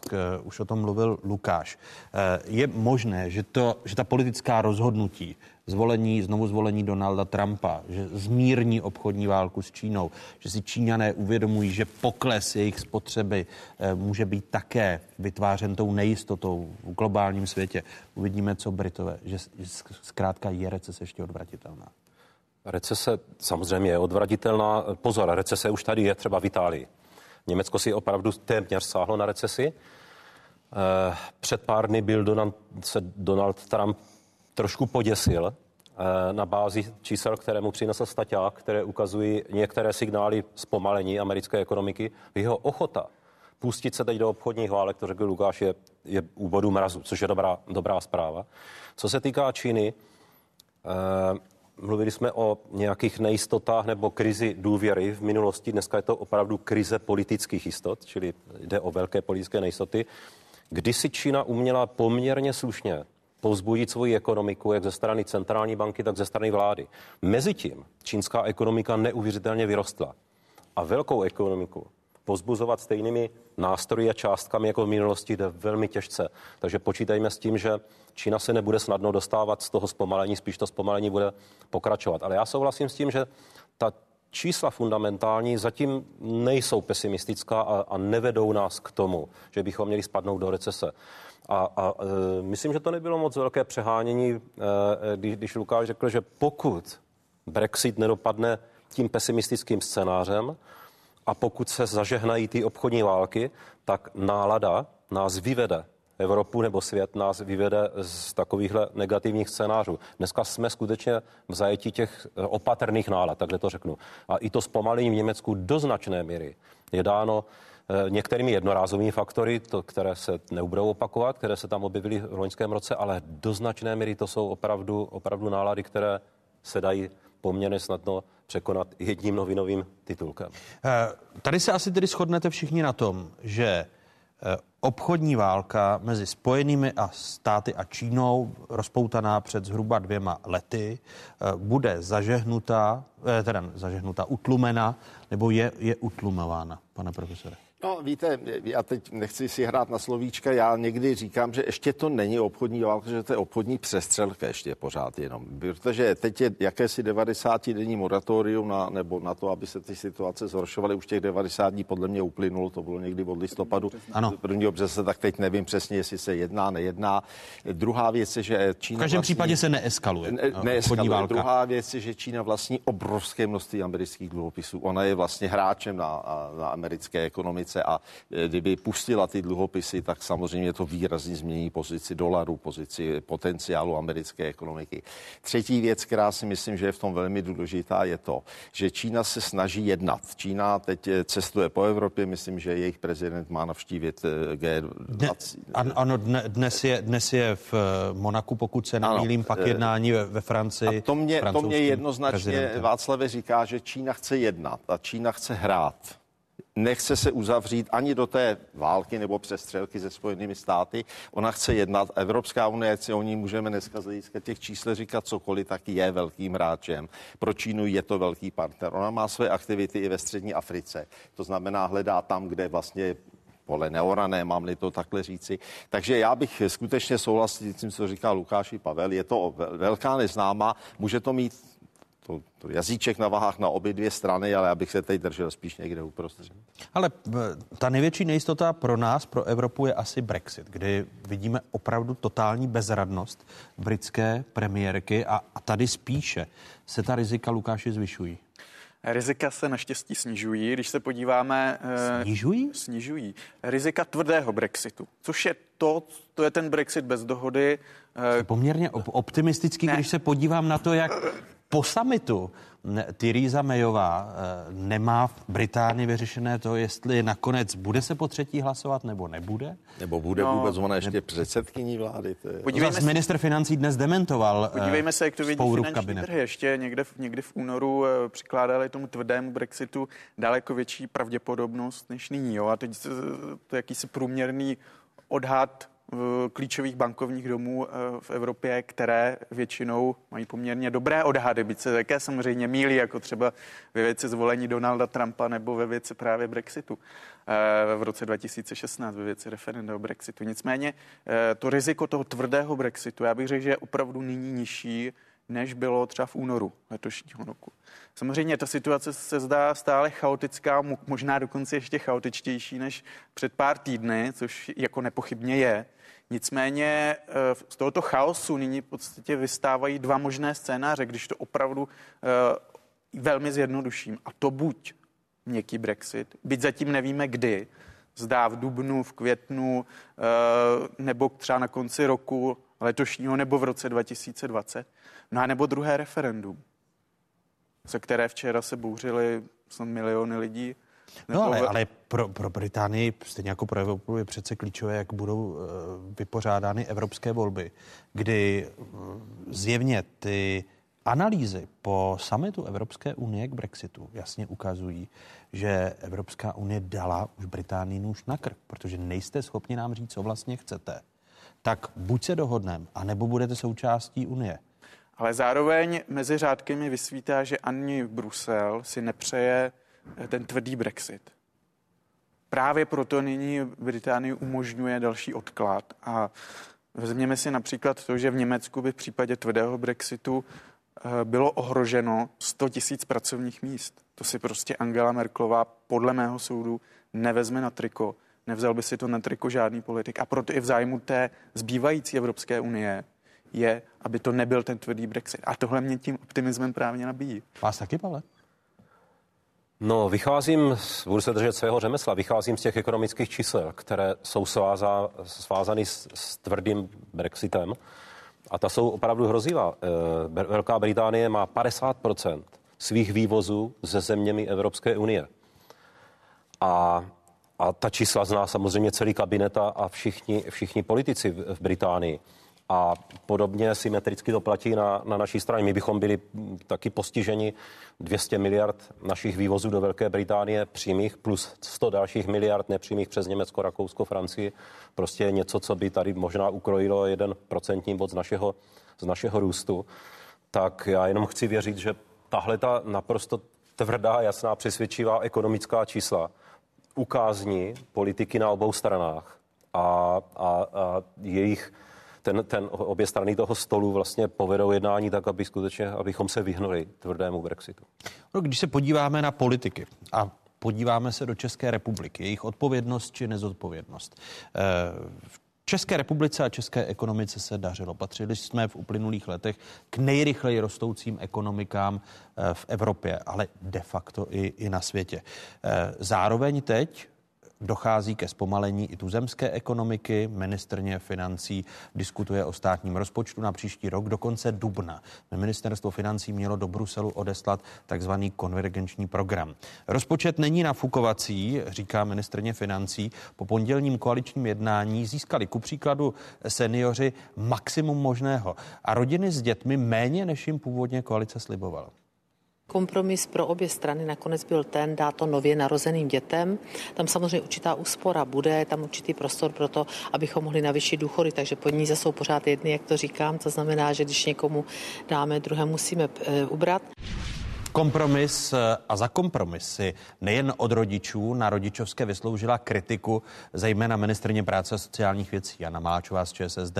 Ta proto otočila a chce v budoucnu získat peníze pro všechny rodiče s malými dětmi. Hledá 8 miliard já vyšlu ten zákon eh, co nejrychleji na vládu, buď na tu příští nebo přes příští a pak během toho získaného času chceme hledat úspory, eh, chceme otevřít debatu o příjmech státního rozpočtu, eh, potřebujeme zhruba 8 miliard korun a chceme přesvědčovat koaličního partnera tak, aby ten náš původní slib, který jsme dali dohromady s nutím ANO, tak aby byl naplněn.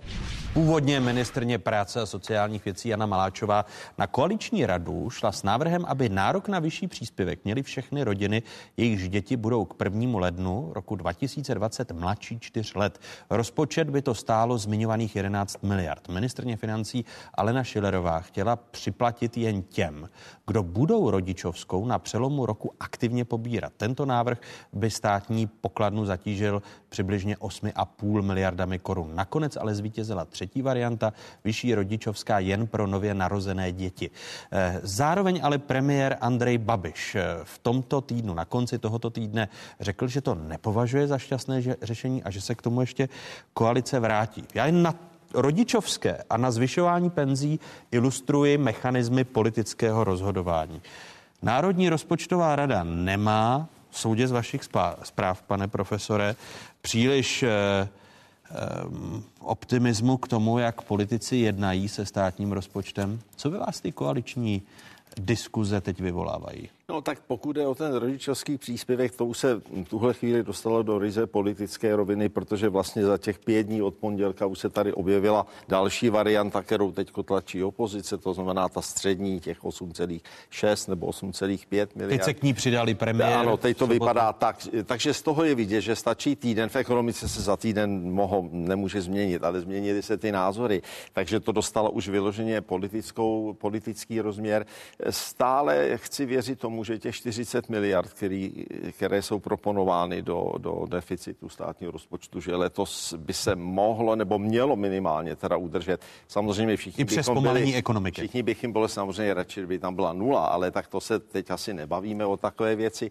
To zpomalení ekonomiky samozřejmě sníží příjmy. Na druhé straně je tady mm, poměrně stále rychlý, jak to říkal Lukáš Komanda, stále rychlý růst příjmu nebo mesta platů. To znamená, že bude z čeho platit daně, bude z čeho utrácet a podobně. E, a přicházíme do takové podle mě velmi důležité rovny, o které se málo hovoří v té souvislosti, té o důvěře v tu ekonomiku. Já si myslím, že důvěra v ekonomiku a stabilita ekonomiky jsou někdy mnohem významnější věci než některá rozhodnutí nebo zákony. Protože já jsem jenom řadový spotřebitel, vy jste řadový spotřebitel a v momentě, kdy dostávám neustále zprávy, to nebude, nebo na tohle nebude a tady bude takový deficit. To je, to je velice důležitá věc. Je to důležitá věc pro podnikatele, kteří musí vědět, do čeho jdou, protože tam dávají svoje peníze.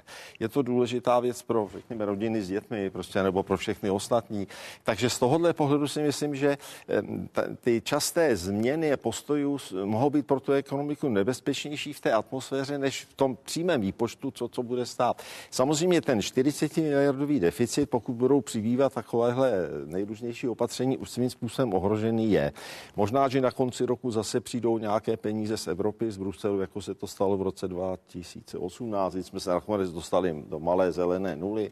Ale zdá se, že vstupuje do vaší řeči, že ty všechny návrhy přidání penzistům nad valorizační rámec, což bylo 750 korun, jestli se nemýlím, ten poslední odhad, co říkala paní ministrně financí v otázkách před třemi týdny. Eh, tak nakonec to bude 900 korun, to znamená 150 korun na každého penzistu, eh, řekněme si 7 miliard navíc. Eh, rodičovská, nikoli ta minimalistická varianta, teď střední varianta, kterou eh, chce podpořit i premiér. Dalších 9 miliard. To znamená, že už je nerealistické, že by rozpočet v příštím roce mohl dodržet těch 40 miliard což je střednědobý rámec. Tak je tady ještě taky ta výdajová stránka a my říkáme jednu věc pojďme investovat, tam, tam nedělejme škrty, nebo nedělejme tak, aby to ovlivnilo fungování ekonomiky. A z druhé strany říkáme, jsou provozní výdaje, jsou běžné výdaje, tam určitě úspory jsou. A já k tomu dodávám jednu věc. Eh, hodně se hovoří o tom, že se začalo rozdávat, že politický establishment už plných roků dvou vlastně začal hodně rozdávat. Já si myslím, že tam už se mělo začít hovořit o těch provozních eh, úsporách nebo pro úsporách z provozních výdajů, protože eh, je to trošku škoda, protože začít dělat ty změny, až když vidím, že některá čísla už budu těžko srovnávat do těch 40 miliard, tak se tohle to mohlo udělat klidně už dřív. Otázka je, a to všechno uvidíme, až se první návrh rozpočtu objeví, to jsou zhruba tři měsíce, teď se objeví eh, vlastně taková první nebo další prognoza ministerstva financí, ta bude, myslím, 10. nebo 12. dubna. Já od ní očekávám nějakou dramatickou změnu v hodnocení vývoje eh, výkonu české ekonomiky. Eh, objeví se konvergenční program zhruba o dva týdny později nebo o tři. Což tam se může stát to, co mé zdroje z ministerstva financí naznačují, že ministrně, která je pod tlakem těchto dárečků a, a, a utrácení, tu 7 eh, miliard navíc na důchody, tu 9 eh, miliard na rodičovskou. Takže přijde s tím, deficit bude 50 miliard, ale těch 10 navíc budou investice. A bude se hrát ta hra, eh, investujeme, protože prostě nemůžeme říci, že dárečky dávat nebudeme. No tak s těma investicemi my opravdu zápasíme trošku, to se nedělejme iluze. V těch uplynulých letech se opravdu nevyčerpaly někdy ty prostředky, jak by to mělo být, nebo se investovalo do věcí, které možná nebyly úplně prioritní. Eh, přesto si myslím, že ještě pořád je ta debata jenom na začátku, že do toho léta, kdy se už skutečně objeví kontury rozpočtu a bude se o nich zcela vážně jednat, ono se o nich jedná vážně už teď, protože ten rozpočet... Ten konvergenční je, program přece je nějak závazný. Ten je v podstatě, ten je v podstatě definován nějakým historickým vývojem a já nečekám zase, že by se v něm objevily nějaké zásadní úplně nové věci. Ale tam může být ten 50 miliardový schodek. Dává to racionalitu mít pro příští rok schodek 50 miliard a říci, ano, my investujeme proto o 10 miliard, navýšíme schodek oproti původním střednědobým výhledům, kde se počítalo na další tři roky se 40, 40 a 40 miliard. Víte, ono se teď střílí trošku, hledá se, hledá se, kde přidat a tak dále, ale stále se ještě málo hovoří o těch provozních eh, úsporách nebo úsporách běžných výdajů. To si myslím, že teď musí přijít. Je konec března, začátek dubna. Teď se musí skutečně ukázat, eh, nakolik je ta vláda silná, nakolik dokáže se škrtávat a případně v některých věcech udělat nějaký, nějaké úpravy na té výdajové stránce. Nedělejme si iluze. Mandatorní výdaje jsou nějakých 53, 55% státního rozpočtu. Kvázi mandatorní výdaje jsou zhruba dalších 20, takže jsme na nějakých 75% a bavíme se o zbývajících 20, 24, 25% kde se asi něco uspořit dá. Jestli to bude stačit na těch 40 miliard, jestli vůbec máme mít 40 miliard, to je, jako pořád ještě nemůžu úplně jako rozkousnout dostanou těch 40 miliard. Eh, dobře, ale teď... Byste hodně křičel, kdyby se přišlo no s 50 tak, miliardovým schodkem? No tak samozřejmě je to nepříjemná věc, protože je to jistým způsobem také odpověď na, na tu stabilitu v ekonomice. Tak jestliže říkám 40 a už budu mít 50, eh, já si myslím, že tahle debata bude relevantní někdy za 2-3 měsíce, až se skutečně objeví, co se na té výdajové stránce bude měnit. To ministerstvo teď má podle mě v horečné době, aby tohle to dalo nějak dohromady. Výdajová stránka, to, co sledujete, přidávání Lukáše a pak? No, eh, za prvé bych řekl, že ta vláda vlastně musí nyní eh, činit to, nač si vlády v uplynulých letech odvykly.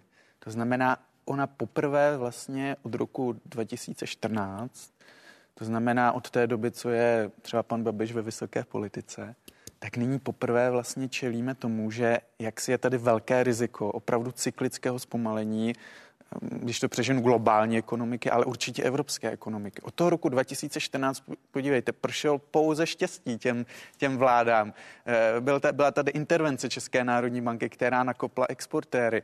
Byl tady dramatický pokles cen ropy na světových trzích. Byla tady extrémně uvolněná politika Evropské centrální banky. Bylo tady obnovování vozových parků na úrovni celé Evropy po krizi, kdy jak firmy, tak jednotlivci si kupovali ty odložené auta, které odkládali z důvodu předchozí krize.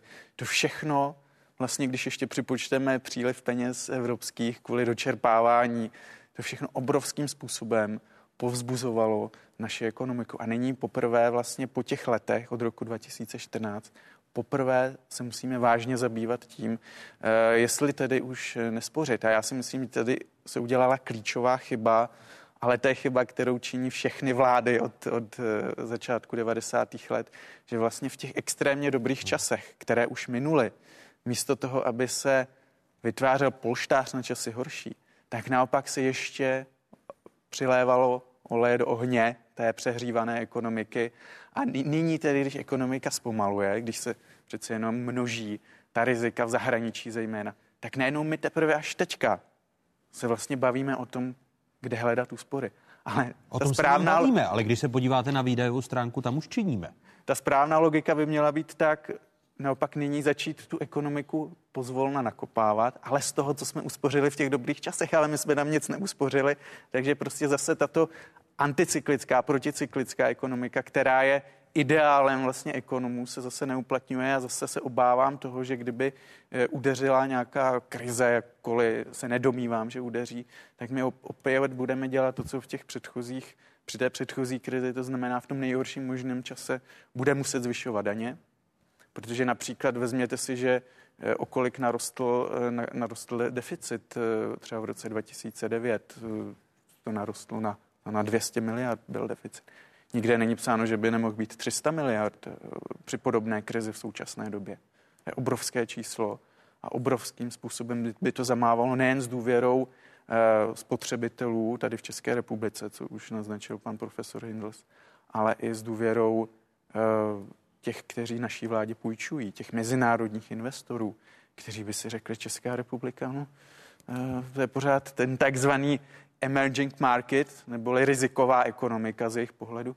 No a my eh, vememe ten kapitál, tam teď dáme hrači do Švýcarska nebo do Ameriky nebo do japonského jenu a najednou bychom tady čelili v podstatě tomu, co před deseti lety. Toto riziko tu nepochybně je. Takže není důvod nějak být přehnaně pesimistický. Já nejsem, já jsem pořád optimistou, ale opravdu jsme ten nejlepší čas promeškali a toto si musíme přiznat a čím dřív začneme nějakým způsobem toto reflektovat, tím lépe. A vy jste na té výdajové straně rozpočtu činil ta rozhodnutí, o nich jsme se dozvěděli tento týden, Je. že penze budou valorizovány nad rámec inflace, že pravděpodobně vzniká střední varianta rodičovské náklady pro státní rozpočet 9 miliard. Toto já ještě zkousnu, ale já už bych velmi rád, aby to bylo doprovázeno opravdu systémovou změnou v těch daných oblastech. Mám na mysli reformu. To znamená, jestliže přidáváme na, rodičov, na rodičovské OK, ale neslibujme si o to, že to navýší porodnost. Pár desítek tisíc navíc, z žádné studie empirické na toto téma neplyne, že to zvyšuje porodnost.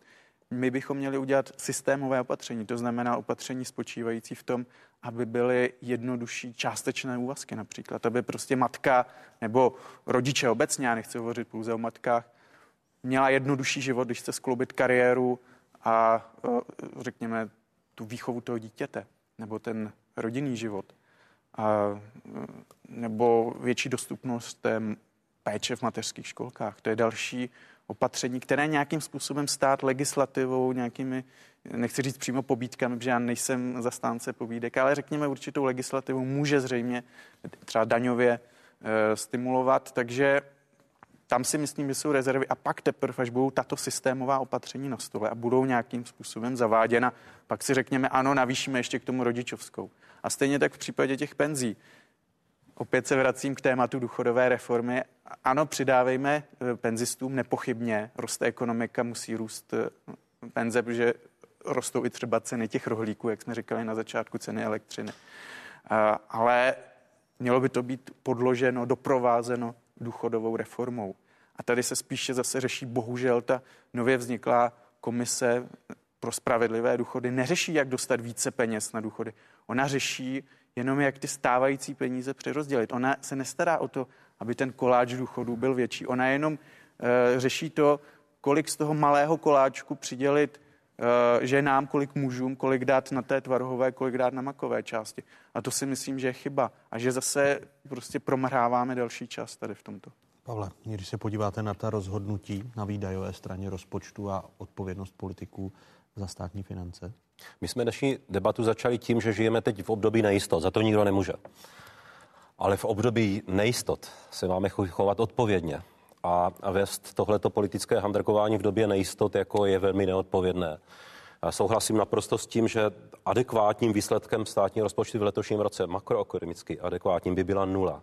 Jo, vyrovnaný rozpočet v minulých letech přebytkový, dejme tomu 1%, a možná Bohužel, pokud by se naplnily ty negativní pesimistické scénáře s Brexitem nebo s obchodními válkami nebo s nějakou recesí, tak ano, nechť, nechť vidíme letos nebo i v příštím roce klidně deficitní rozpočet, tak, aby vláda pomohla nějakými rozumnými ale výdaji tomu, aby se ekonomika znovu nakopla a zbytečně, zbytečně jsme zase neprodlužovali tu krizi jako před deseti lety. Na to apeluju. A souhlasím s tím, že jsou tady, eh, dobře, souhla, eh, valorizace důchodu je, je, je asi správný krok, ale je dobře... 50 korun na... Já to nevím posoudit, ale eh, podívejme se vždycky na to, že pokud najdeme dobrý účel, dobrý účel na to, kde zvýšit rozpočtové výdaje, dobře najít také nějaké místo, kde ušetřit na tuhle tu věc. A, a ty možnosti zde prostě jsou. Uh, už od roku 2000 narůstá neuvěřitelně zaměstnanost eh, ve státní byrokracii. Jak vždycky říkám, vyluxovali jsme desítky tisíc velmi šikovných, kvalifikovaných lidí z trhu práce, kteří schází dneska v produktivní ekonomice a zatěžujeme tím vlastně státní rozpočet. Eh, přitom žádná z minulých vlád nic neudělala v oblasti digitalizace státní zprávy a samozprávy, kde bychom skutečně desítky tisíc lidí každý rok mohli nahrazovat, nahrazovat eh, technologiemi. Tak, jak to dělají, dělají eh, jiné země, malé i velké. A Je to, je, to jeden, je to jeden určitě z zajímavých zdrojů. Samozřejmě... No ale to nejsou klobou... zdroje okamžité, vy všichni tři. No, vlastně to, ty... tohle jsou. To, no, digitalizace státní zprávy, no ne, teď, teď, teď, ne, teď ale myslím... zbytečná přezaměstnanost státní byrokracie. Ale stejně jim budete muset dát odstupné a stejně se to začne, i kdyby to vláda učinila v tomto roce, tak začne ty náklady nebo ty výnosy naopak. No, jako souhlasím, ale věci, které mají dlouhodobý dopad, mají o to víc důvodů začít s nimi co nejdřív. A jenom řeknu, vláda teď přišla s myšlenkou uh, skutečně zredukovat o 10% stavy uh, zaměstnanosti ze státní byrokracie. To je fajn. Řekl bych, jako první krok to je, to je určitě výborné, ale nevíme, jestli vůbec dopadne tenhle ten krok. Ale říkám, Zase, jsou, zde, ne. Hm, jsou zde jaké no, ale, ale, ale dobře, otevřela se ta diskuse a ta je správná. Musíme si říct, že předtím ty stavy také navyšovala jestli navýšila. No dodnes. Do, do, do, meziročně nyní o 16%, jestli se nemýlím, tak těch 10% to vlastně jenom částečně bere to, co navýšila eh, z roku 2018 na rok 2019. Tím se vlastně nic eh, nic neřeší, takže eh, souhlasím s tím, že zatím vlastně nečiníme žádná konkrétní opatření, která by dlouhodobě vedla k udržitelným veřejným financím. A navíc ještě objevují takové názory, třeba z úst paní ministrně práce a sociálních věcí, že vlastně ani žádnou důchodovou reformu nepotřebujeme. To si myslím, že je velmi nebezpečné toto říkat, eh, protože si vezměme, že oni operují s těmi zeměmi, eh, které mají větší podíl eh, důchodu na hrubém domácím produktu, ale to jsou také země, které jsou často mnohem více zadlužené. A také jsou to mnohdy země, které si ten vyšší dluh mohou spíše dovolit, protože to jsou země, které jako třeba Francie, mají pořád lepší ratingové hodnocení než, než Česká republika. E, my stále... Proto se vás ptám na, na, tu, na, tu možnou, eh, na ten možný trik, který kdybyste, nebo kdybychom všichni byli ministry financí, tak co byste v této situaci udělali? Větší tlak na výdaje státního rozpočtu, který je nepochybný, hodinu předtím jsme tady diskutovali o navýšení plateb za státní pojištěnce o 14 miliardách. Takže čím dál větší tlaky. Zároveň nepřicházení s konkrétními kroky úspor, jako je digitalizace, jako je snižování státní eh, počtu zaměstnanců ve státní správě s výjimkou učitelů, bezpečnostních sborů a, a podobně, reformy penzijního systému, zajištění dalších příjmů zdravotnického systému a podobně. A co pak ministerní zbývá? Může říct, ano, zvyšuji deficit pro rok 2000 20 na 50 miliard z původně předpokládaných 40 a 10 jde na investice, protože investice jsou problém. Eh, investovat by se určitě mělo, to nepochybně, ale všechny ty další, další, řekněme, výdaje na provozní účely, tam bych to podmínil opravdu tím, že v pozadí už bude běžet nějaká reforma jak jsem o tom hovořil, protože jinak je to házení peněz do černé díry. Jinak teď navýšíme rodičovskou, ale k čemu ta rodičovská povede? Z hlediska rozpočtu se nic nezlepší. Kromě toho, že ti uh, lidé, ti, ti rodiče, kteří dostanou o to větší rodičovskou, budou něco více uh, odvádět ve formě třeba daní spotřebních, protože si budou mít větší spotřebu. Takže tady bude určitý pozitivní efekt pro rozpočet, ale jinak vůbec. To znamená, my tady v zásadě házíme eh, peníze do černé díry a nečiníme žádné systémové kroky, které by vedly k tomu, kam míříte, tomu dlouhodobému narovnání těch veřejných financí, kde číhají velké hrozby, zejména s ohledem na důchodový účet a na účet veřejného zdravotnictví, což jsou nedořešené problémy, ale to už tady zaznělo i v tomto pořadu milionkrát. Ale jak dlouho, jak dlouho je to, ale Lukáši, jak dlouho je to udržitelné, když jsme právě promeškali ta nejlepší léta za posledních 10-15 let tuzemské ekonomiky, kdy jsme měli 4 až téměř 5% růsty. To jsme promeškali, ale podle mě pořád není pozdě na to s těmi reformami začít. Nyní. Je blbost s nimi začínat, když je ekonomika v recesi.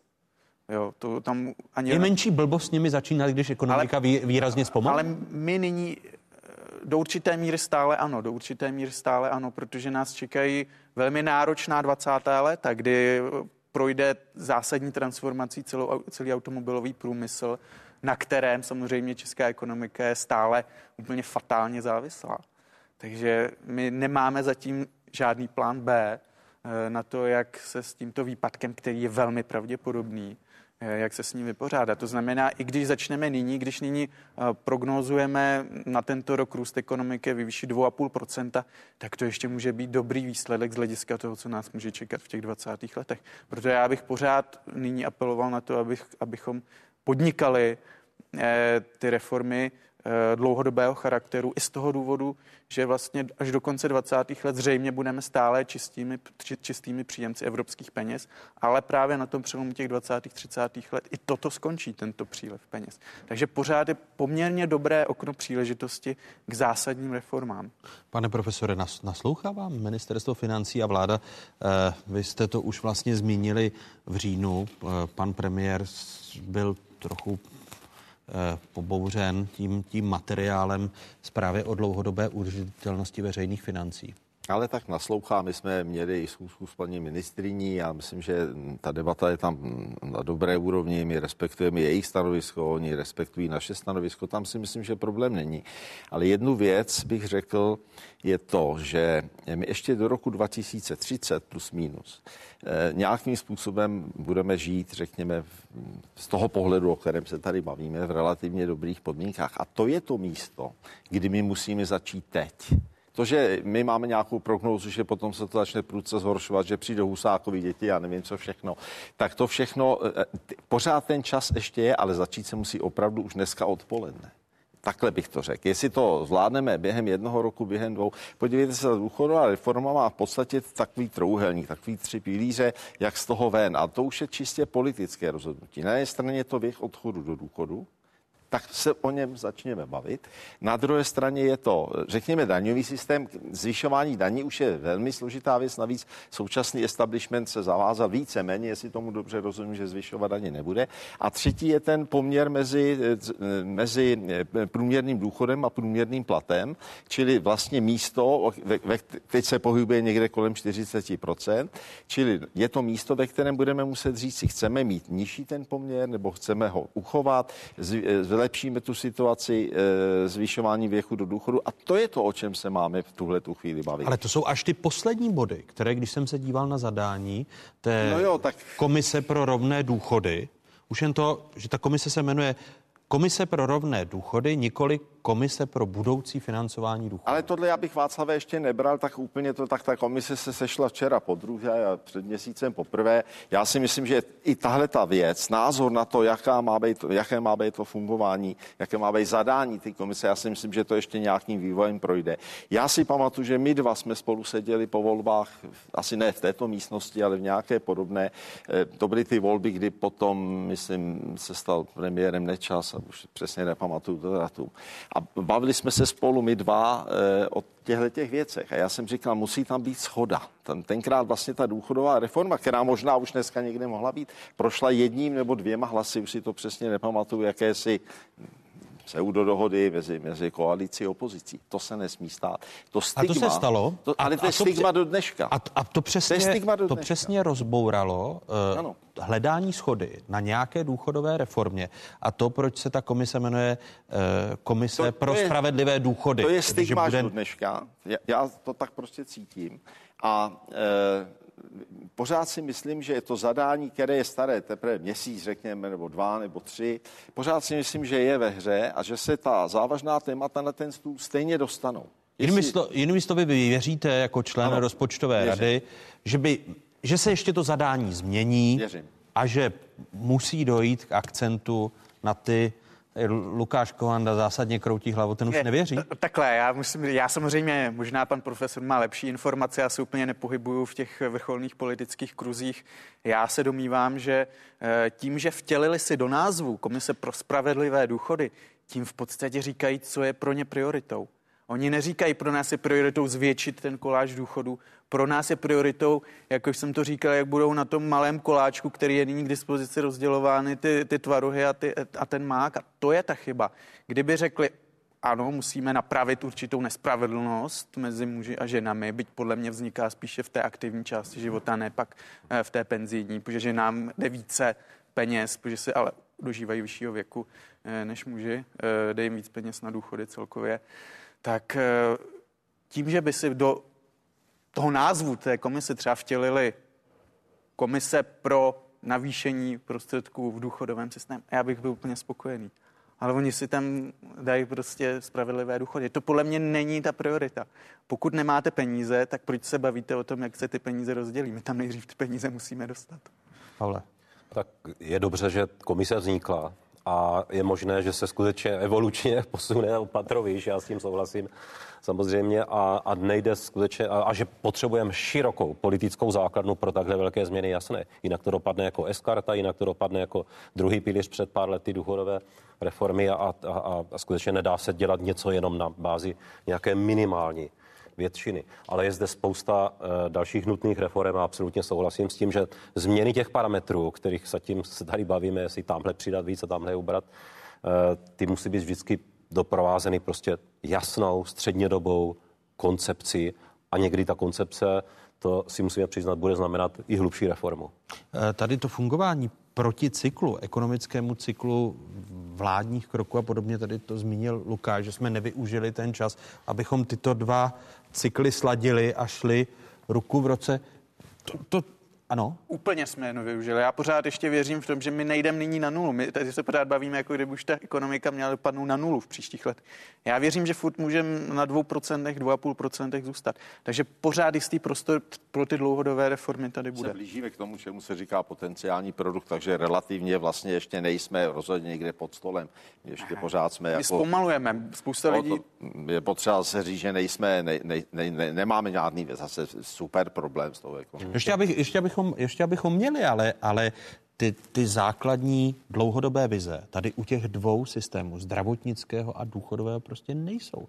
Když se podíváte na debatu o valorizaci, eh, která byla nastartována tím, že zrušíme platby za státní pojištěnce, eh, která vlastně jakoukoliv budoucí debatu zabila, protože nikdo nechce zvyšovat připojištění po případě, nebo zavádět připojištění, zvyšovat spoluúčast pacientů a stejně tak jsme u, u, u důchodové reformy, která byla zabita nečasovou vládou a na sílu protlačeným druhým. Spíš tou silou, vládně je tak tou reformou samotnou, ale způsobem jejího projednávání. To si myslím, že je to stigma, ze kterého se ještě chvíli ne, nebudeme schopni dostat. Tohle se nemělo stát. Prostě. Souhlasím s váma, že tady chybí ta, ta koncepčnější vize.